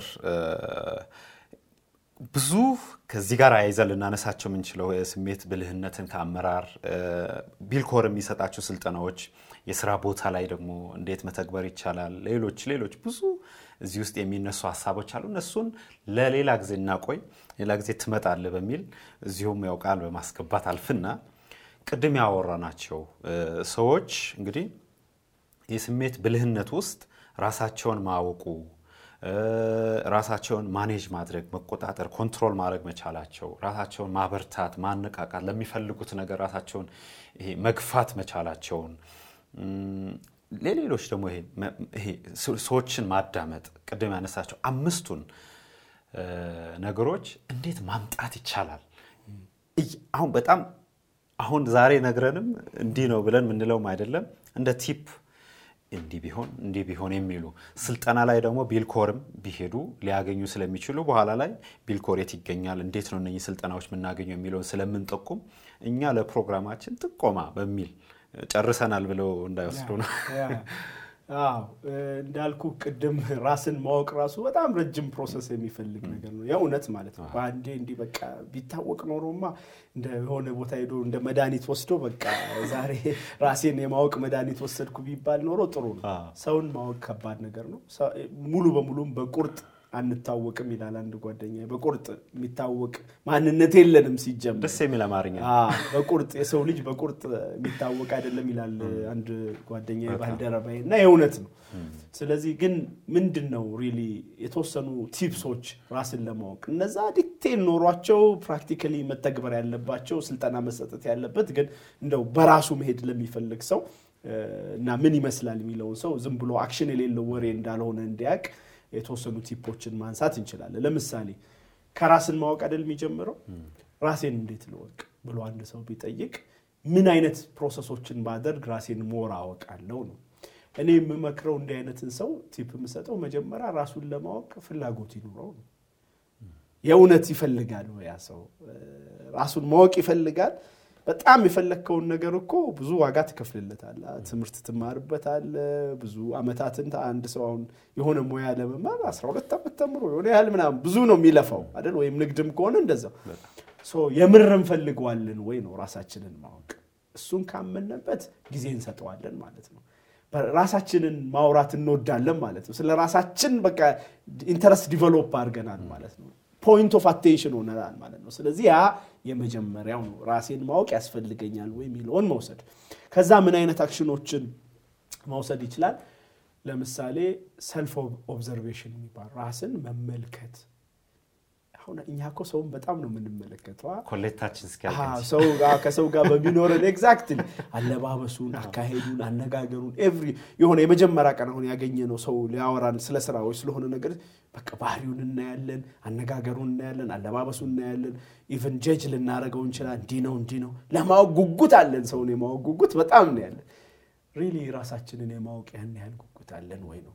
ስለዚህ ጉጉት አለን ብለን ከተነሳን ራሳችንን ልክ ሰው ከምናየው በላይ observe እናድርገው። ፊታችንን ልክ በመስታወት እንደምናየው የእኛንም ባህሪ behavior፣ ስሜቶቻችንን ምናምን እናያቸው። እዛ ሆነን ከራሳችን ወጥተን ራሳችንን ማየት ማለት ነው። ይሄ ትልቅ አሁን ቁጭ እያወራው ራሴን የሚሰማኝን ነገር ዝም ብዬ ከምነዳ ራሴን አየዋለሁ።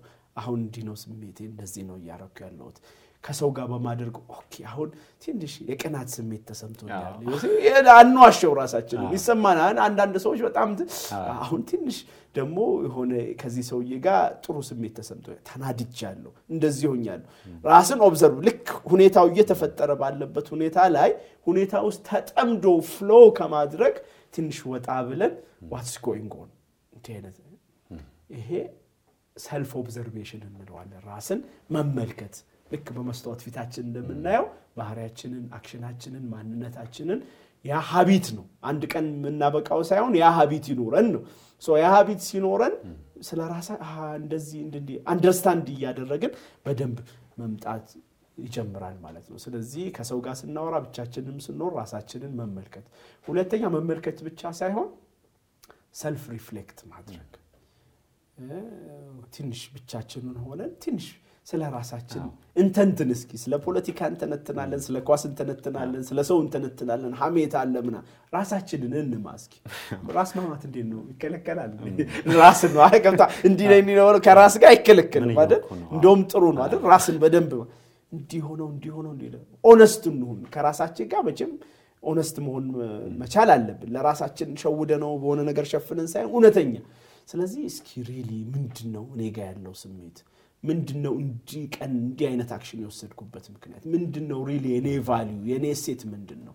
really የሚያስፈራኝ ነገር ምንድን ነው? ለምንድን ነው ያ የሚያስፈራኝ የሚለውን ቁጭ ብሎ ከልዋ ነው የምትሉት ከልዋ በቃ ከራስ ጋር ወጣ ብሎ የምር ጊዜ ሰጥቶ ሻይ እየጠጡም ይሁን ምንም ይሁን በቃ ብቻችንን ሆነን ራስን ማዳመጥ ማስተንተን፣ ፍላጎታችን ምንድን ነው? ወዴት ነው የሚፈልገው? መነሻችን እንዴት ነው? ምናምን የሚለውን የምር ጊዜ ሰጠን። self reflection በጣም self reflection ሰው ብሎ ዝም ብሎ የሆነ green area ላይ ቁጭ ማለት ይመስሏል፣ ወይ መጽሐፍ ማንበብ no no no ቦታው ጥሩ ነው የሚመች ቦታ ቢሆን። ግን ያ ዋና ያንን ትረሳዋለህ። የእውነት self reflection ውስጥ ከሆንክ ያለበትን environment ሁላ እስክትረሳ ድረስ ራስን በጣም ማስተንተን ምንድን ነው core ጥያቄዎችን መጠ ምንድን ነው የምሰራው እዚህ የእኔ core value ምንድን ነው? ምንድን ነው የሚያናድደኝ? ምንድን ነው የሚያስደስተኝ? እንዴት ነው relationship ምን ይመስላል? ለምን እንደዚህ behave ያደረጉ? ደካማ ጎኔ ምንድን ነው? ጠንካራ ጎኔ ምንድን ነው? ለምንድን ነው ደካማ ጎኔ ነው? ለምንድን ነው ጠንካራ ጎኔ ያለው? ለምንድን ነው ማሻሻል ማልችለው? የያዘኝ ነገር ምንድን ነው የሚለው እውነት እውነቱን ከነ ችግራችንንም ራሳችንን ማስጣት ማለት ነው ለራሳችን። ያ ሁለተኛው ነው።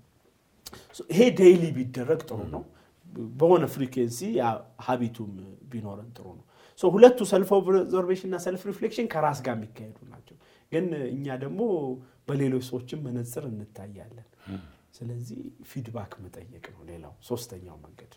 ስለዚህ ለእኛ ያልታየን ሌላ ሰው የሚያየው ነገር ይኖራል። አንዳንዴ ለእኛ ታይቶንም የሚያረጋግጥልን ደግሞ ሰው ይኖራል እና የምናምናቸውን ሰዎች እኛን በደንብ ሊያውቁ የሚችሉ ሰዎች ከቤተሰብ ከጓደኛ ከምን የሆነ ሌላ intention አይኖራቸውም ብለን የምናስባቸውን ሰዎች እስኪ ዛሬ ስለ ራሳችን የምናወራበት ቀን ነውና ወጣ እንበል ብለን ወጣ ብለን the whole day the whole night ቁጭ ብለን እስኪ feedback የእውነተኛ የሆነ ሊያሳድግ የሚችል ይሄ ዝም ብሎ የሚቀባባም ሳይሆን ዝም ብሎ የሚያከስምም ሳይሆን real ማንነታችን ሊነግረን የሚችል አንዳንዴ ጎበዝ ከሆንን ከልጅነታችን ጀምሮ የሚያቀን ሰው even አሁን ተለያይተን ሊሆን የልጅነት behavior ን ጭምር ሁላ እስከመጠየቅ አሁን ያለንበትን ከስራ ባልደረባ ከቤተሰብ ከምን ከምን triangulate 360 ዲግሪ ራሳችንን evaluate እናድርግ፣ feedback እንጠይቅ።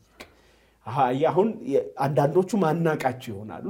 እነሱን ደግሞ መልሰን በ self reflection እና self observation ከመውሰዳቸው አሀ እንዲህ ነኝ አንልም። ሰው እንዲህ ነህ ስላለ አዎ ነኝ ብለን አንሸከምም።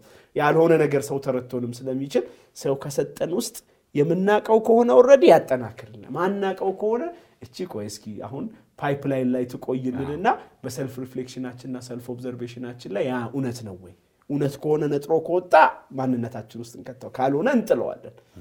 በዚህ process በአንዴ የሚካሄድ አይደለም። ይሄን process በረጅም ጊዜ እየደጋገምን እየደጋገምን ስናደርግ ታክሲም ላይ ስንሄድ መንገድም ስንሄድ እንጨነቅ አይደለም፣ ዘና ነው እንደውም ማለት ያ ደስ እያለን ነው ማድረግ ያለብን። ምክንያቱም ሰው ውጫዊ ነገርን እንኳን ለማግኘት በጣም ይጓጓል። ራሳችንን ለማግኘት ደግሞ በጣም መጓጓት አለ፣ ራሳችን ስንወድ ማለት ነው። ስለዚህ በእነዚህ process ኦች ከራስ ጋር በሚደረግና ከሌሎች ጋር በሚደረግ ንግግር፣ reflection፣ መተንተን ራስን የማወቅ ጉዞን መጀመር ይቻላል። አንዳንዴ coach ምናምን ሊያስፈልገን ይችላል። የበለጠ እንድናቅ ጓደኛም ቤተሰብም coach ሊያደርገን ይችላል። በዛ ወይ ነፃ ሆነን trust አድርገን መቀጠል እንችላለን ነው። ሌላው ወደ self management ነው የምንሄደው። okay አወቅን፣ core value ኣችን አወቅን፣ ደካማ ጎናችን አወቅን፣ ጠንካራ ጎናችን አወቅን፣ passion ኣችንን አወቅን፣ መሆን የምንፈልገውን ነገር somehow አወቅን። ያ ብቻ በቂ አይደለም። okay ያንን እንግዲህ ራስን ለመምራት ራስን manage ለማድረግ መጠቀም አለብን። ተያያዥ ነው አሁን ማነሳው ነገር ራስን manage ማድረግ መነሻው ራስን ማወቅ ስለሆነ ማለት ነው። ስለዚህ ራስን manage ስናደርግ አሁን ልንፈተን ነው አወቅ ነው ብለናል አይደለ? ስለዚህ ልክ ጉዳዮች ሲፈጠሩ ለምሳሌ የሚያናድድ የሚያስደስት ከሰው ጋር መስተጋበር ሲፈጠር አሁን የምናውቀውን ማንነታችን ልንጠቀም ነው። okay እኔ እንዲህ እንዲህ ያናደኛል ብለን አወቅን። ከዛ ልክ reality ው ሲመጣና ያ ነገር ሲፈጠር ምንድን ነው የምናደርገው ነው ለትንሽ ሰከንዶች pause አድርገን act ከማድረጋችን በፊት ከራሳችን መተዋወቅ አገናኝተን ያንን ነገር ከውስጣችን ጋር inner self dialogue እናደርጋለን ወይ ነው ከራሳችን ጋር ንግግር ይሄ ይሄ ነው ይሄ ነው ትንሽ ሰከንድ ማለት ነው። ያቺ ሰከንድ gap መፍጠራችን በስሜታችንና በተግባራችን መካከል ታሪክ ትለውጣለች። ገብቶሃል? የሆነ ጊዜ ተናደህ text ምናምን ጽፈህ ከዛ ትንሽ ሰከንድ ዘግየት አድርገው ስታየው ትሰርዘዋል። ሰምተሃል አይደል? አንዱ ያደረገውን ታሪክ መስሪያ ቤት ላይ በጣም ተናዶበት የቀጠረው ሰው ላይ ኃይለኛ ደብዳቤ በቃ በዲሲፕሊን በምን በቃ ከስራ የሚያባርር ብቻ ሳይሆን ለታሪክ የሚያስጠላ ደብዳቤ ጻፈበት እና ከዛ ለሰው ሲያማክር ልሰጠው ነው ሲል ቆይ ችግር የለም ትሰጠዋለህ ይደር ዛሬ አለው እና አሳድሮት ሲመጣ ሲያየው ይቺን እንኳን አጋንኛታለሁ ብሎ ቀየራት ጽሁፏን ትንሽ ትንሽ አለዘበው። አሁን ልስጠው አለ ቆይ ይደር አለ። ሁለት ሶስት ቀን አሳደረው እና መጨረሻ ላይ ደብዳቤው ሲነበብ የክስ ሳይሆን እንደውም recommendation ነው የሚመስለው፣ የድጋፍ ደብዳቤ ነው የሚመስለው። ጥሩ ነገሩ መጥቶ ማለት ነው። ሰርዞ ሰርዞ ሰርዞ ለካ ያ ሰውዬ በጣም የሚለው የሆነ ነገር ስላናደደው እንጂ በጣም መልካም ነገሩ የሚበዛ ሰውዬ ነው። እና መጨረሻ ላይ ይህን ያነበበው ሰው እንኳን ሊባረር አይደለም promote የሚደረግ ሰው ሆኖ ተገኘ። እና እንደዛ የማዘግየትና ነገሮችን act ከማድረጋችን በፊት ትንሽ inner self dialogue ከሰውም ጋር ከራሳችንም ጋር ያንን ነገር ማውራት and ሁለተኛው ይሄ distorted የሆነ አስተሳሰብን የተዛባ አስተሳሰብን መቀነስ ወይም ማስወገድ ላይ over generalize ማለት እንዲህ ናቸው እነሱ። አሁን self manage እንዳናደረግ የሚያደርገን በቃ ልክ አሁን የሆነ ብሔር ሲነሳ እንዲህ ነው፣ የሆነ እምነት ሲነሳ እንደዚህ ነው፣ ጾታ ሲነሳ እንደዚህ ነው፣ የሆነ አካባቢ ሰው ሲነሳ እንደዚህ ነው ብለን ከጨረስን ከዛ በኋላ ራሳችንን manage ማድረግ ይከብደናል። ለምን? ያንን ሰው በዛ box ውስጥ ከተነዋል። anything ያ ቢመጣ አእምሯችን ክፍት አይደለም። manage አናረግም እንዲህ ናቸው። እነሱ ጥላቻ ያላቸው በቃ አለቀ በለው ፍለተው። ስለዚህ ያንን over general በቃ let's give it some እንትን እድል። any አይነት ሰው ይሁን። ለምን? በቃ በጣም ፍጽሞ ያንተ የምትለው ሰው ጠላት ማህበረሰብ ውስጥ አይኖርም። አንድ ግለሰብ ለየት ያለ ነገር ሊኖረው ስለሚችል እስኪ እንስማው፣ እድል እንስጥ። ስለዚህ over generalization ይሄ distorted የሆነ thinking bias ን መቀነስ ሌላው important ነገር ነው ራስን manage ለማድረግ። ሶስተኛው humor መጠቀም ይሄ በጣም important ነው። ሚያንሰን ብዙ ጊዜ serious ሰዎች በተለይ ጎበዝ የምንላቸው ሰዎች ሚያንሰን ነገር ትንሽ ሰው ነን አደለ? ትንሽ humor፣ ጨዋታ፣ ሳቅ ምናምን ስናደርግ energy በዛ ይወጣል። ገባ የሆነ ክፉ ነገርንም ትንሽ ቀየር ያደርገዋል mood ኡ። ቅድም ያልኩክን ሰከንዶችንም ይሰጥሃል። ስለዚህ ጨዋታ፣ ቀልድ ምናምን ምናምን ሰውኛ ነገሮችንም ትንሽ በጣም ሁሉ ነገር seriously ያለመውሰድ ማለት ነው እና አሁን ይህን ሰው ብዙ ጊዜ ሳይጠቀም ነው የሚያልፍ፣ ግን በጣም ትልቅ ነገር ነው። ያናደደህ ነገርም ቢኖር አንዳንድ ጊዜ በ humor በምናምን ተጠቅመህ ስታልፈው ጊዜ ይሰጠሃል። የሆነ environment ኡንም smooth ያደርጋል። ከዛ በኋላ reasonable የሆነ action እንድትወስድ ያደርጋል እና humor መጠቀም ሌላው ነው። ሌላው ምን ያህል እረፍት ጊዜ እንወስዳለን ነው የኔም ችግር ነው። by the way ምን ያህል በቃ ይሄ አንዳንዴ እኮ ይሄ burnout ኡ stress ኡ ምኑ የሚፈጥረው ነው ራሳችንን manage እንድናደረግ የሚከለክለን። relax እናደረጋለን ወይ እረፍት እንወስዳለን ወይ ሰውነታችን ያርፋል ወይ አእምሯችን ያርፋል ወይ ስሜታችን ያርፋል። ትንሽ እንደው በቃ እርፍ ብለን ሙሉ በሙሉ ከተለያዩ connection ኦች ምና እርፍ ብለን ትንሽ ቀን ስንመጣ ምንም ሕክምና ሳይፈልግ ስሜታችን ራሱ ተስተካክሎ እንደ አዲስ ጤናማ ሆኖ ይመጣል። ስለዚህ ራስን manage ለማድረግ ሌላኛው ስሜትን ምንድን ነው relax ማድረግ ነው። አንድ የመጨረሻ ላንሳ self management ላይ ሌላኛው emotional energy ን redirect ማድረግ። ለምሳሌ የሆነ እልህ ያዘ ልበል፣ ተናደድክ ልበል፣ ሁለት አማራጭ አለ። እልሁ ትክክለኛ ምክንያት ይኖረዋል። ለምሳሌ የምር ያናደደህ ሰው ይኖራል እና የግድ ሁለት አማራጭ አለ። እዛው መምታት ትችላለህ፣ ወይም ደግሞ ቆይ ብለህ ያናደደህ ነገር ወይ የተሳለቀብህ ሰው በሆነ ምክንያት ነው አይደል? okay ለምን ያንን ነገር ቀይሬ አልገኝም ብለህ ያንን energy የእልህ energy ወደ positive energy ቀይረኸው ትልቅ ሰው ቦታ መድረስ። ብዙ ሰዎች አሉ እንደዛ የደረሱ የሆኑ ነገሮች ይዟቸው positive ነገርም ወደ ትልቅ ይወስዳል። አንዳንዴ negative emotion ን ወደ positive ቀይረህም ትልቅ ቦታ መድረስ። እንዲህ የተባልኩት ለዚህ ነው። ስለዚህ ሰርቼ ድሃ ስለሆንኩ ነው መለወጥ አለብኝ። ቂም በመያዝ አይደለም፣ positive ለውጥ እንደውም መድረስ አለብኝ። ለዚህ ሰው positive የሆነ energy መፍጠር ይቻላል። ስለዚህ ያም የግዴታ እዛው ምላሽ መስጠት አይጠበቅብህም። የተናገረ የሰደበ ያስቀየመህ ነገር ምናልባት አንተ ጋር ጉድለት ያለ ነገር ከሆነ ያንን energy ይሄማ በቃ ቤተሰቤን ያስደፈርኩት ምን ያልኩትኝ በእኔ ባህሪ ነው። responsibility ወስጄ ያንን energy የእልህ energy ማያስተኛ የሆነ የተቀጣጠለ የለውጥ energy አድርገን መጠቀም ለምሳሌ እንደ ኢትዮጵያ ዓለም እንዲያደረገ እንደዚህ የሆነ ነገር እንደ ሙስሊም እንደዚህ ሆነና okay አማራጭ ያለህ ስትሳደብ ትከርማለህ። energy ህን ስታለቅስ ትከርማለህ። energy ህ በለቅሶና በስድቡ ይወጣልሃል። አሁንም ይመጣል ይወጣልሃል። no no no እስከ መቼ ነው ሰብሰብ ባደረገውና ያን energy እስኪ ለ productive energy ልጠቀመው፣ ይሄን ለመለወጥ ያለውበትን ሁኔታ ልጠቀመው እና ለአንዴና ለመጨረሻ ጊዜ ከሰው መሳለቂያና እንትን ልወጣ። አቅሜ ቢኖረኝ እኮ power ባሰባስብ ጎበዝ በሆን እኮ እንዲህ አይሆንም ነበር አይደል? እውነታው ያ ነው አይደል? ስለዚህ ያንን አቅም ልፍጠር ወደሚል ይሄ በጣም important መወደው ነው። by the way negative energy ን ሰብሰብ አድርገ ወደ positive energy ተጠቅመ ራስን ለመጠቀም መቻል ነው። እነዚህ ናቸው እንግዲህ more ይሄ ከ self management ጋርና ራስን ማወቅ። እዚህ ላይ የምትጨምረው ነገር ካለ በልና ወደ social ኡ እንሄዳለን። ግሩም ነው። እኔ በምሳሌ እያደረክ እያነሳ ስለሆነ አብዛኛው እኔ ልነካቸው ወይም እንድትነካ የምትፈልጋቸውን ቦታዎች በደንብ እያነሳህ ነው። ይሄ ሰዎች ራስን manage ማድረግ የሚባሉ ስሜቶችን አሁን ቅድም ራስን ሲያውቅ ነው አይደል ያልከው? ካወቀ በኋላ አሁን ይገባዋል።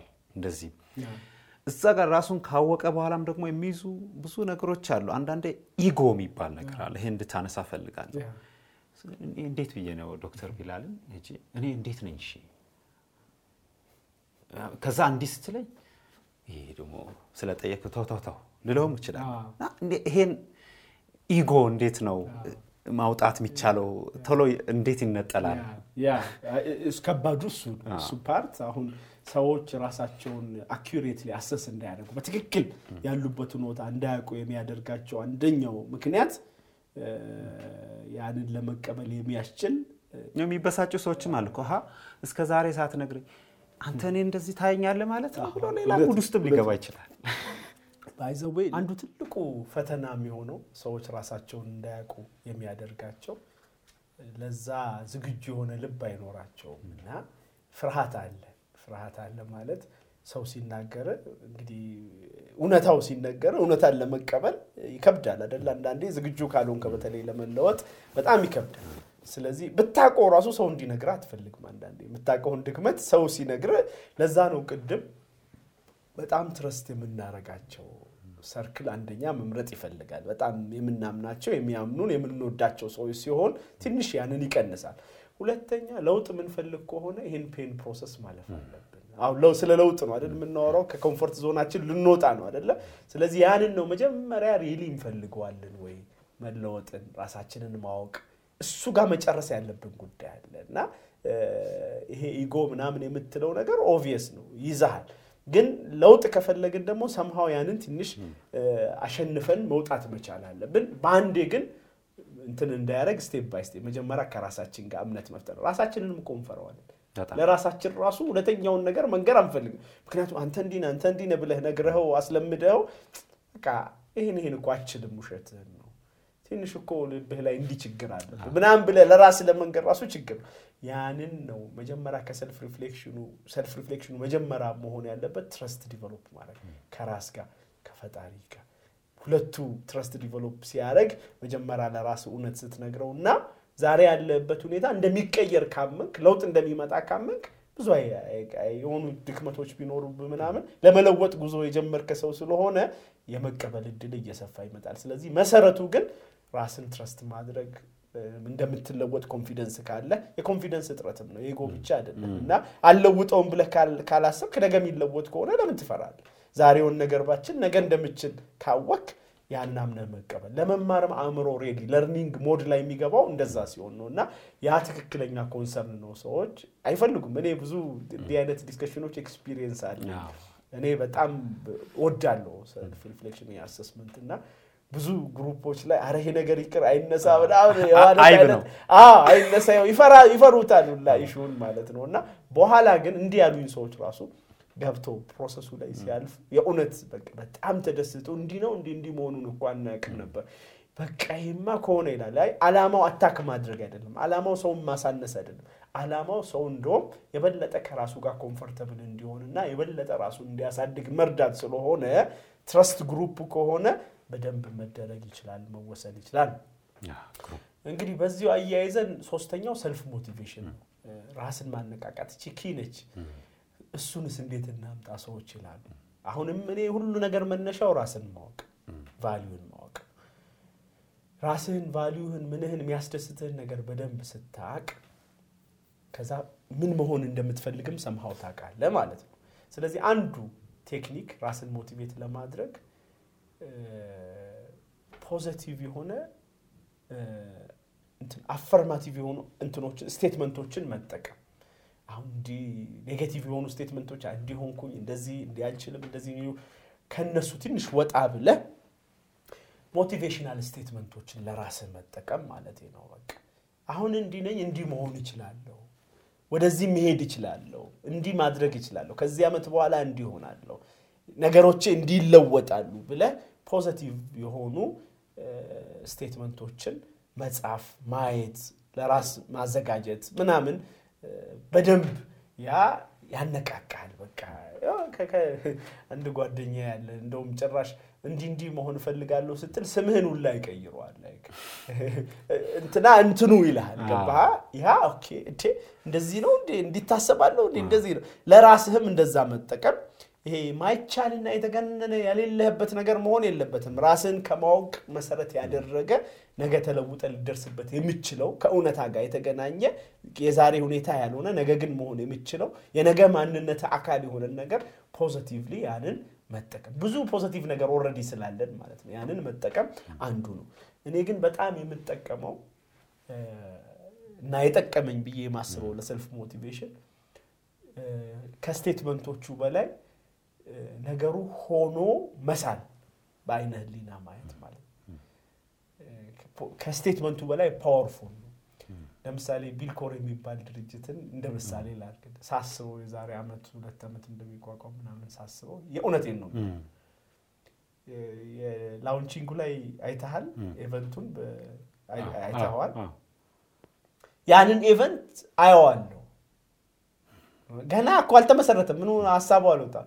የእውነት አየዋለሁ። በቃ እንደዚህ እንደዚህ ሆኖ እንደዚህ ሲካሄድ ከዛ ልጆቹ ሲመረቁ ደስታቸው አንተን ለአንተ ዋጋ ያላቸው ሰዎች በአንተ ሲደሰቱ ሰዎች ተጠቅሞ ስታዩ ኢቭን ሰርቲፊኬሽኑን ምናምን የሚሸልመው የሚናገረውን ሰውላ ቱዛ ዲቴል የማየት ፓወር ማለት ነው። የእውነት በቃ ምንም ሳይጋነም ማለት ነው። እና ያንን በቃ ሆኖ ማየት ማለት ነው። እና ቁጭ ብለህ የውሸት የማታረገውን ነገር አይደለም። አሁን ይሄ ዝም ብሎ መቃዠት አይደለም ብለህ አሁን እሱን ነው ራስን ከማወጋና ከራስ ማንነት ጋር የመነጨ መሆን አለበት ምልህ ለዛ ነው ያንን ስታይ daily ወደዛ የምትጠጋቸው process ኦች already እንደሚሆን አውቃል እና የምትሄድበትን አውቃል፣ የምትደርስበትን አውቃል፣ እንደምትደርስ ታውቀዋል። ስለዚህ ያንን class ከሆነ የምትሰጠው ስትሰጥ ማየት፣ ልጆቹ ሲለወጡ ማየት፣ ሀገር ምን እንደሚፈጠር በዛ ምክንያት ማየት፣ ገና አሁን እቺ ምርቃቷን ብቻ ሳይሆን ምን አይነት impact ሊኖረው እንደሚችል ስታይ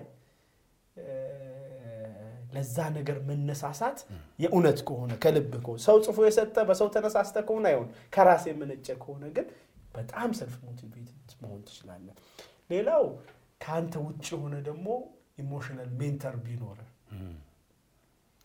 በቃ አንዳንድ ሰዎች የተሰጣቸው ሰዎች አሉ። በቃ አብረሃቸው ቁጭ ስትል ስሜት ይናወጣል እስክትሄድ ድረስ ሄደ እስክተገብረው ድረስ ማለት ነው። ስለ ራሳቸውም ነገሩ ስለሆነ ነገርም ታሪክም ነገሩ ምናምን በቃ ዘይ ከንሲ የሆነ ሰውን እንዴት አድርጎ መስራት እንደሚችሉ የሰውን ጥሩ ነገር እንዴት ማየት እንደሚችሉ አቅም ማየት እንደሚችሉ በደንብ ኦብዘርቭ አድርጎ ማለት ነው እና ዝም ብሎ የሊፕ ሰርቪስ አይደለም። እውነት ነው። አንተ እኮ እንደዚህ ኤግዛክት ኢሞሽናል ሜንተር ወይም እንትን ይፈልጋል ያ ከአንተ የተሻለ peer ም ሊሆን ይችላል፣ አንተ senior ም ሊሆን ይችላል። በቃ ያ እንዲህ ሲለ okay ብቻህን አይደለህም ማለት ነው። አጋዥ አለህ። ያኔ የበለጠ ልትስፈነጠር ትችላለህ። አራተኛውና የመጨረሻው ላይ self motivation health የሆነ ጤናማ የሆነ አካባቢ መፍጠር ስራ ቦታ ላይ ምናምን ጤናማ የሆነ ከባቢ ይረዳሃል motivated እንድትሆን ጤናማ ያልሆነ ከባቢ ሀሜት የሚበዛበት ከስራ ይልቅ ጭቅጭቅ የሚበዛበት ከስራ ይልቅ መጠላለፍ የሚበዛበት ምቀኝነት የሚበዛበት ከሆነ ዙሪያ ያለው ላይ ወይ ቀይረው ወይ አንተ ከዛ ቦታ መውጣት አለብህ። ለምን affect አያደርገኝም ብለህ አታስብ። ቅድም እንዳልኩ ነው ስሪታችን ግለሰብም ነን ማህበረሰብም ነን። ስለዚህ effect አለው አንተ ላይ impact አለው። ሳታውቀው ውስጥ ላይ ይጋባል። ስሜት negative ስሜት በቀላሉ ነው የሚጋባው። ስለዚህ አብረህ የምትሆናቸውን ሰዎች መምረጥ አለብህ። በጣም በጣም important በቃ የሚገርም ነው አይደል? ሀዲሱም በምኑም አለ አይደለ? ዙሪያ ያሉ ሰዎች ያለው አንተ ላይ ያላቸው impact ጓደኞች አንተ ላይ ያለው እንደ ሽቶ ጭምር ነው። እንደ ሽቶ ነጋዴው ምናምን አይደለ? በጣም impact ኡ በጣም ግልጽ ነው።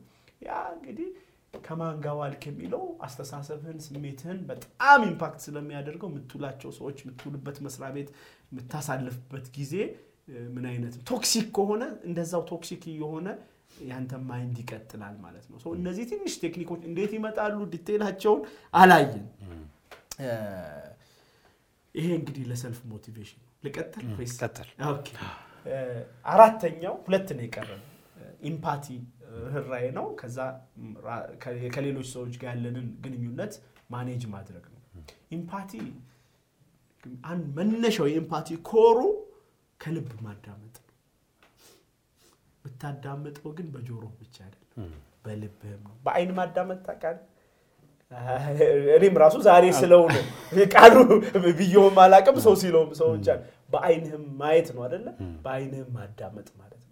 ስሜትን በደንብ በልብህ፣ በአይንህ፣ በጆሮ በሁሉም sense ኦችህ fully ተሰጥተህ የዛን ሰውዬ ቃሉን ብቻ ሳይሆን action ኡን፣ ሁኔታውን በደንብ በቃ ለሱ መስጠት ሰደቃ ማድረግ ራስህን ማለት ነው። እና ጊዜው ደግሞ አሁን ዶክተር በጣም ስልኩ ምኑ የሆነ ነገር እየነካካ ነው የሰማው ነው። exactly እኔ አቋርጣለሁ ባይሰው ከባድ ሀጃ ኖሮኝ ሰው ጋር ሄጄ ማለት ነው።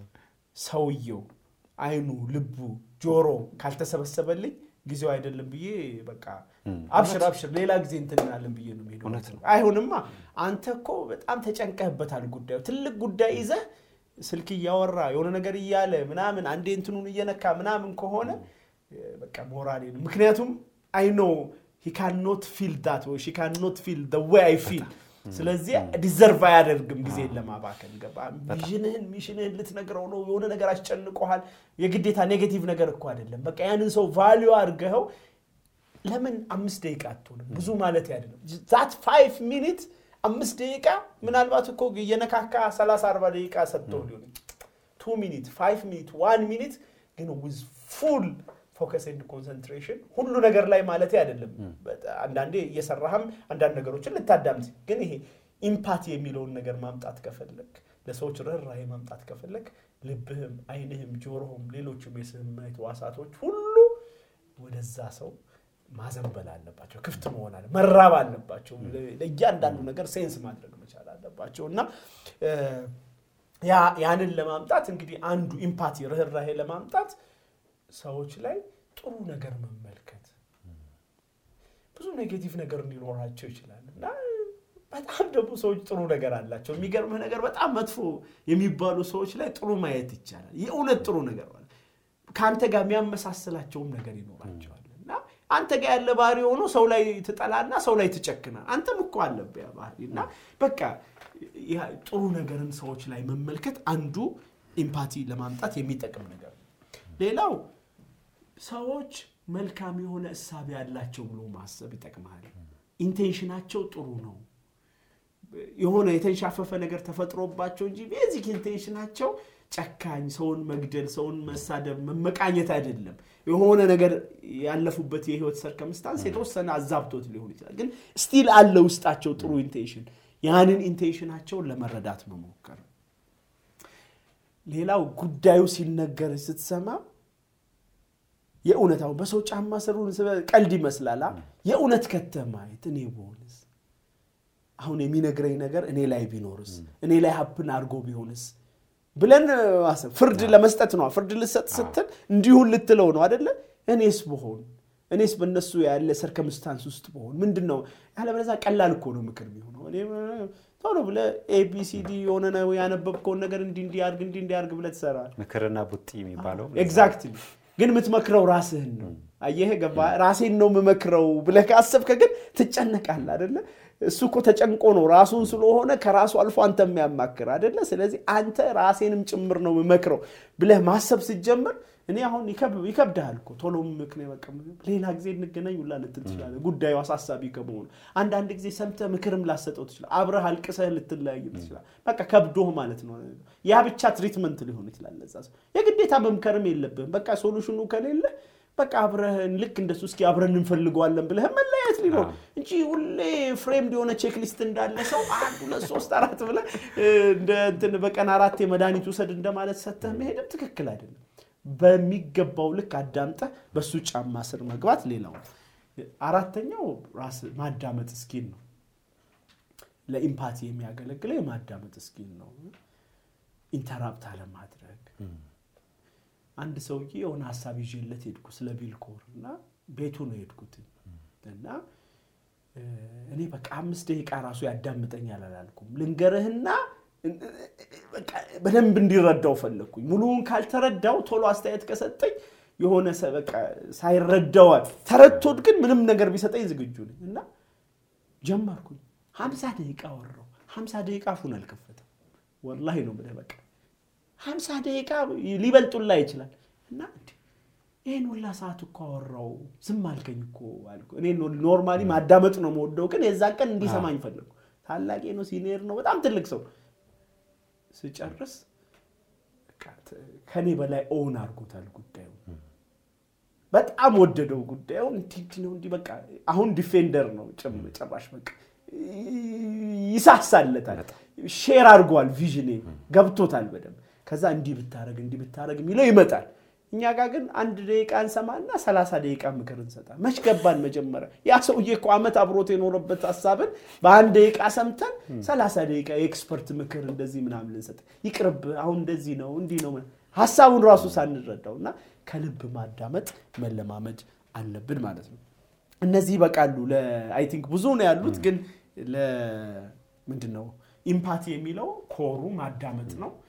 ለሌሎች positive ማሰብ ነው። በሌሎች ጫማ ውስጥ ሆኖ ማየት ነው በሚለው ልናየው እንችላል። የመጨረሻው የመጨረሻው እንግዲህ relationship ይሄ ሁሉ ነገር የሚጠቅመው ምንድን ነው? መስተጋብራችንን ለማስተካከል ነው። ከሰዎች ጋር መስተጋብር ነው የሚባለው relationship ከሰዎች ጋር ያለን ግንኙነት መስተጋብር ጤናማ፣ ውጤታማ፣ effective ማድረግ መስተጋብር ስንል እንደ መሪ ሊሆን ይችላል፣ እንደ ሰራተኛ ሊሆን ይችላል፣ እንደ ቤተሰብ ሊሆን ይችላል፣ እንደ ጓደኝነት ሊሆን ይችላል። ብዙ ነው አደለ መስተጋብራችን። በእነዚህ ሁሉ መስተጋብሮቻችን ላይ እንዴት ውጤታማ የሆነ መስተጋብር መፍጠር እንችላለን። ይሄ key ነው። ሁሉንም key ነው ነው አምነው የእውነትም key ስለሆነ ነው። አሁንም እኮ ጥያቄ አሁን እናንተ coach ስታረጉ ብዙ ጊዜ የሚመጣል ምንድን ነው ዝም ብሎ sense አደርጋለሁ።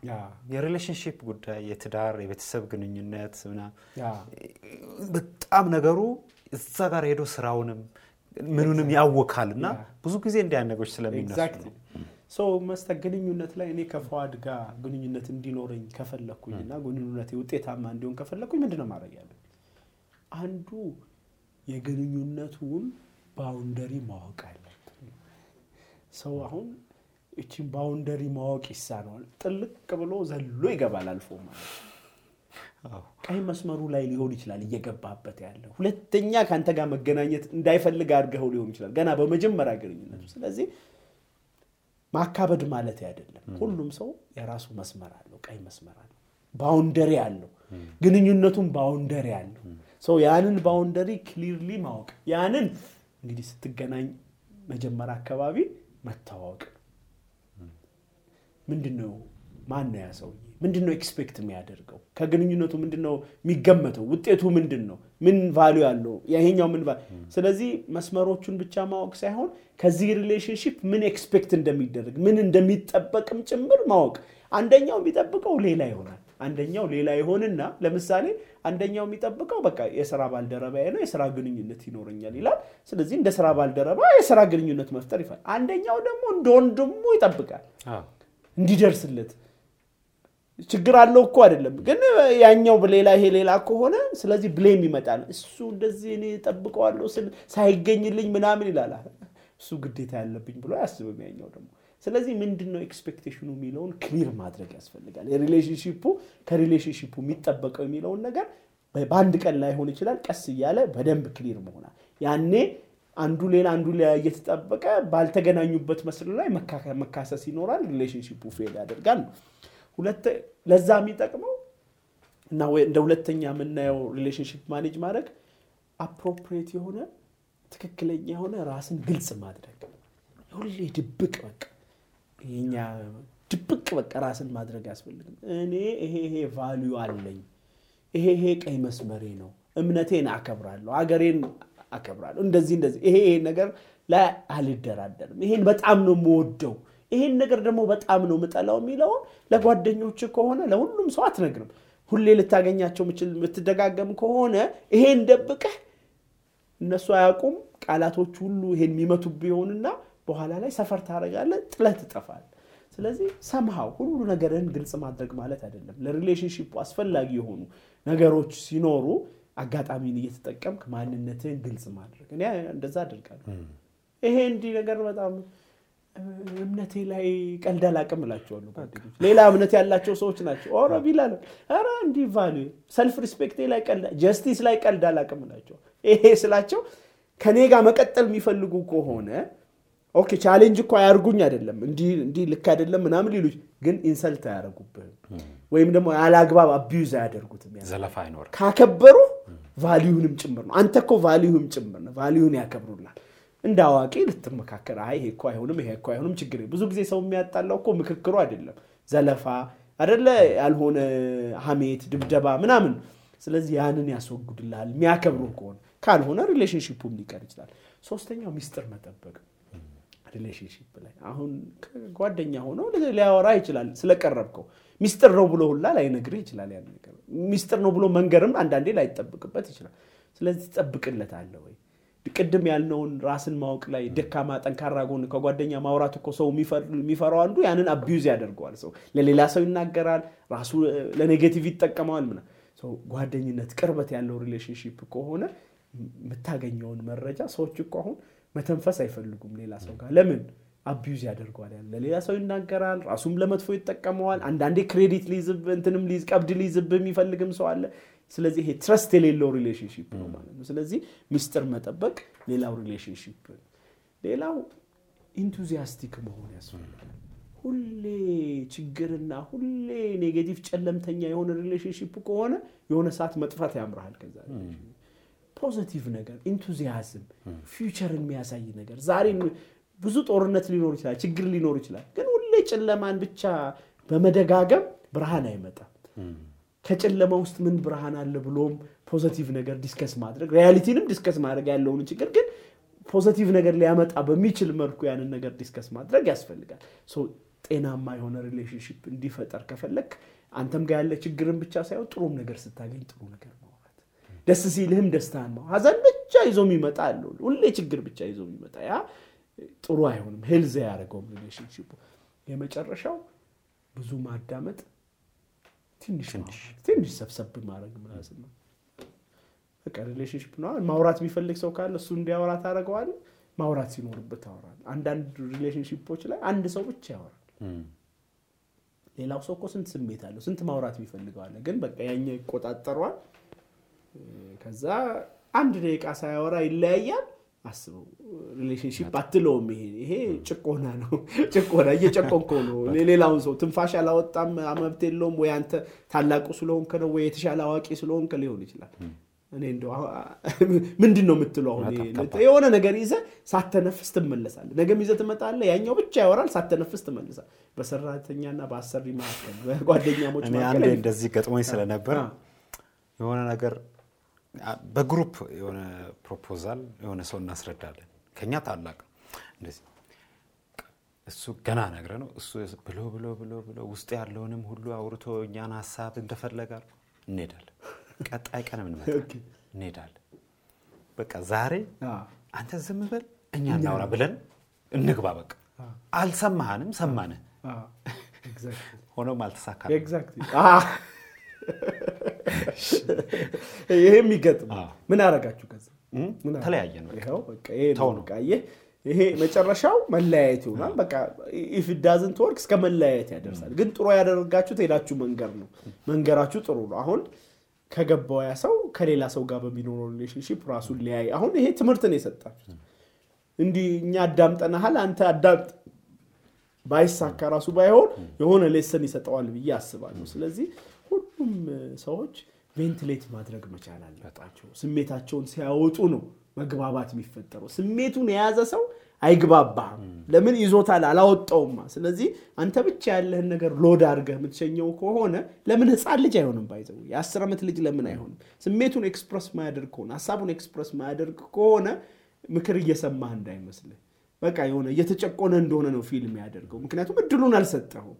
ምናልባት ሌላ ምክንያት ሊኖረው ይችላል። ምናልባት እንደ ማጠቃለያ ሆኖ አንድ ከዚህ ከኤምፓቲ እና ከዚህ ጋር አሁን መስማት ማዳመጥ የሚለውንም ስለሚያሳየን ነው። ሁሌ ነው ማወራው የዚህ ልጅ ታሪክ እንደው ምንድን ነው ከዚህ ልጅ ጋር እንዳልባል የእውነተኛ ታሪክ ነው። ኳስ ይጫወታሉ ልጆች ናቸው። ሰፈር እዚሁ ዌራ አካባቢ ቤተል አካባቢ ኳስ እየተጫወቱ አንደኛው ልጅ ኳሱን ይዞ ጠፋ። ልጆቹ እሪ ያሉ እና እናትየው እዛው ጎረቤት ነች። አንኳኩተው ልጅሽ ኳሱን ይዞ ጠፋ፣ ምን አይነት ልጅ ነው ምናምን ይሏታል። ገና የአስር ዓመት ምናምን። ከዛ እናትየው ወታ ልደበድበው ልጁን ትፈልጋለች። እንዴት እንደዚህ ያደርጋል ብላ ከዛ ልጁ መጣ። እማዬ እማዬ አንድ አዳምጭኝ ከመፍረድሽ በፊት አላት። አንድ አዳምጭኝ አላት። ያው እናትየውም ቀልብ ያላት ሰው ስለሆነች እንጂ የሚያስመታ ነው ያደረገው። በቃ ኳስ ደብቆ ኳሱን ይዞት መጣ። እናትየው ለምን አቋረጥክ ብሎ ቀጥታ መምታት ነው አይደል? ይሄን ልጅ እንዴት ልጆቹ እንዲህ ታደርጋለህ? እኔ ልጅ አደብ ያለው ልጅ ነው ምናምን ነው አይደል? ለማሳየትም ቆይ እስኪ ላዳምጥ አለችው። እማዬ ኳሱን ይዤ የደበቅኩት ለተንኮል አይደለም። ከፊት ለፊታችን የሆነ አካል ጉዳተኛ የሰፈራችን ልጅ እየመጣ ነበር።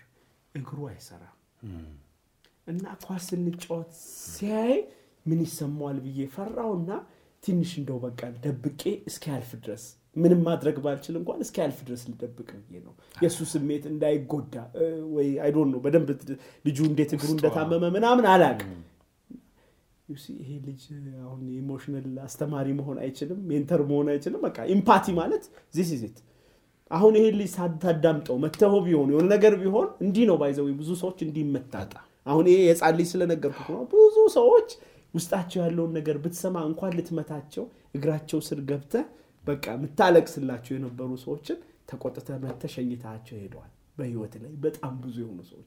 ይሄ ልጅ አጋጣሚ የሆኑ አዳማጭ እናት ስላገኘ እንጂ ሌላ ወላጅ ቢሆን ምን ለእኔ ነው ደግሞ የምትነግረኝ? ተደርድሮ በውስጡ ይዞት ቂም አሳድሮ ሊያድግ ይችላል። ያንም behavior ደግሞ ላያሳድገው ይችላል። አሁን ይሄ ልጅ ግን ስለተደመጠ ሌላ ጊዜም የተሻለ ነገር empathy የተሻለ ርኅራኄ እንዲኖር ያደርገዋል ማለት ነው። እና ይሄ relationship ላይ አሁን መደማመጥ የሰውን ስሜት ምን እንደሆነ መረዳት በጣም key ነው። ግሩም! ዶክተር ቢላል ሽኩር እውነት ለመናገር ጥሩ ጊዜ እንዳሳልፍ አድርገሃል እኔንም። የፖድካስት ሸዋችን ደግሞ ተመልካቾች እንዲሁም የሚያዳምጡንን። ሀሳቡ በጣም ሰፊ ነው። ስንጀምር እያወራን ነበር የስሜት ብልህነት ግን ዛሬ በመጣው ሀሳብ ላይ በተነሱ ነገሮች ላይ መፍትሄዎችን ጭምር ሰተህ ነው የሄድከው። እጅግ በጣም ነው ለዚህ ማመሰግነው በመጨረሻ ቢልኮር ሁለተኛ ዙር ስልጠና ጀምረዋል። የሚፈልጉ ይህንን ሲያዩ የት ነው የሚሉ ብዙ ሰዎች ስለሚኖሩ ከስር ጥያቄዎች ስለሚመጡ ዩቲዩብ ላይም ሲጫን ቲቪ ላይም አይተው ሊጠይቁን ስለሚችሉ እዚሁ አንተ ብትመልስ የት ነው የምትገኙት? ሁለተኛ ዙር ስልጠናው ምን ይመስላል የሚለውን እኔ ደግሞ በስንፍና የተወኩት ነገር ካለ መልእክትን አስታ አይ ምንም ብዙ ነገር አንስተናል። እንግዲህ የባለፈው ፓይለት ነው ብዬ ያለው ሙከራ ነው። ያንን አድርገን successfully ጨርሰናል الحمد لله ሁለተኛ ዙር announce አድርገን በጣም በርካታ ብዙ መቶዎች ኦንላይን ተመዝግቦ form ሞልተው እኛን በመጠባበቅ ላይ ናቸው። እኛም ደግሞ እንደዚህ ሰዎች በጣም የወደዱትን ነገር የሆነ በሚመጥን ሁኔታ መስጠት አለብን በሚል የራሳችንን training center እያቋቋምን ትንሽ ዘግይተናል። በዚህ ምክንያት ይቅርታ እንጠይቃለን። ከተመዘገቡ ሳምንታት አለፈ እና የራሳችን center ይኑረን ብለን ከአዶት በስተጀርባ ሽመክት ህንፃ የሚባል አራተኛ ፎቅ ላይ ብስራተ ገብርኤል እዛ ላይ ቢሮውንም ስልጠና ማዕከሉንም እዛ በጣም ትልቅ የሆነ ቦታ አዘጋጅተን እየጠበቅናቸው ነው አሁን almost ጨርሰናል። next week ውስጥ ኦንላይን የተመዘገቡትንም ሌሎቹንም በአካል መጥተው እዛ አራተኛ ፎቅ ላይ የቢልኮር Institute of Leadership office እና እዛው ስልጠና ማዕከል ያለው ላይ next week ላይ ምዝገባ ማድረግ ይችላሉ። online format የሞሉ ሰዎች ይደወልላቸዋል። ስለዚህ ቢሮ ድረስ መጥተው ከ next week ጀምሮ መመዝገብ ይችላሉ። የአንድ ወር ስልጠና ነው ይሄ። ሁለት ስልጠና ነው ያለው። የስሜት ብልህነት አንዱ ያው ብዙ ሰው ስለፈለገው ቀጠል ነው። አንድ batch ወስዶ የሚቆም ነገር አይደለም ሌላው ሁለተኛው ደግሞ በጣም የምወደው እንግዲህ የስልጠና ርዕስ ራስን መምራት ነው። ስለዚህ ራሳችንን እንዴት እንመራለን ወደ ትልቅ ቦታ ለማድረስ ስሜታችንን አእምሯችንን ተጠቅመን እንዴት ትልቅ ቦታ ማድረስ እንችላለን? የሚለውን የሁለተኛ የስልጠና ርዕስ አድርገን ነው። በሁለቱም ላይ በመቶዎቹ የሚቆጠሩ ሰዎች እየተመዘገቡ ነው። next week ምዝገባ ጨርሰን በቃ ስልጠናውን ከዛ ባሉ ቀጣይ ባሉ ሳምንታት ስልጠናውን በተከታታይ እንሰጣለን ብለን እናስባለን። እንግዲህ ለዚኛው ከሞላባቸው next month ም ስለሚኖር ለዛኛውንም ቦታ reserve ማድረግ ሊኖርባቸው ይችላል። እና ያው ቶሎ ከመጡ የተወሰነ ቦታ ሊያገኙ ይችላሉ ብዬ አስባለሁ። ያው ይሄን more ምዝገባ ላይ ያሉ ልጆች የበለጠ ያውቃሉ። ስልክ ቁጥራችን 0979963535 ነው። ፌስቡክ page አችንም ቢልኮር በሚል ማግኘት ይችላሉ። ቴሌግራም ላይ በተለያየ መልኩ access ማድረግ ይችላሉ ስለዚህ welcome እንላለን። ዶክተር ቢላል እጅግ በጣም ነው የማመሰግነው ለቢልኮርም ላንተም ጥሩ የስኬት ዘመን እንዲሆን። ሰዎች ላይ ደግሞ ለመስራት ባሰብከው ኒያ አላህ ደግሞ እነዚሁ እንዲመነዳህ ዱዓ አድርጋለሁ እኔም ጥሩ ሀሳብ ስለሆነ ሰው ራሱ ላይ ሰርቶ ደግሞ በተጨባጭ ሌሎች ሰዎች ላይም ሰው ለውጥ እንዲመጣ መስራት ትልቅ ነገር ነው እና ስኬትን እጅግ አድርጌ ይመኛለሁ። የአዲስ ጣዕም ተመልካቾች አድማጮቻችን ከኛ ጋር ስለነበራችሁ ዛሬ በስሜት ብልህነት ከዶክተር ቢላል ሽኩር ጋር ያደረግነውን ቆይታ በትዕግስት ስላዳመጣችሁ ስለተከታተላችሁ ምስጋናችን ከልብ ነው። በሌላ ፕሮግራም ደግሞ መልሰንም የምንገናኝ ይመስለኛል። ቀጣይነት ያላቸው ብዙ ነገሮች ስላሉ ዶክተር ጊዜ ሲኖረው እዚህ ፕሮግራም ላይ ደግሞ እንደሚመጣ ተስፋ አደርጋለሁ። እናንተም ደግሞ ስልጠናዎችን ካሻችሁ ቅድም በተሰጡ አድራሻዎች ማግኘት፣ ራሳችሁን መቀየር ለዛ ደግሞ መስራት መሰጠት ላይ ትኩረት እንድታደርጉ መልእክቴ ነው። በሌላ ፖድካስት ሾው ተመልሼ በሌላ እንግዳ የምመጣ ይሆናል። እስከዛ ድረስ በያላችሁበት ሰላም ሁሉ ለእናንተ ይሁን። ወሰላሙ አሌይኩም ወረህመቱላሂ ወበረካቱ።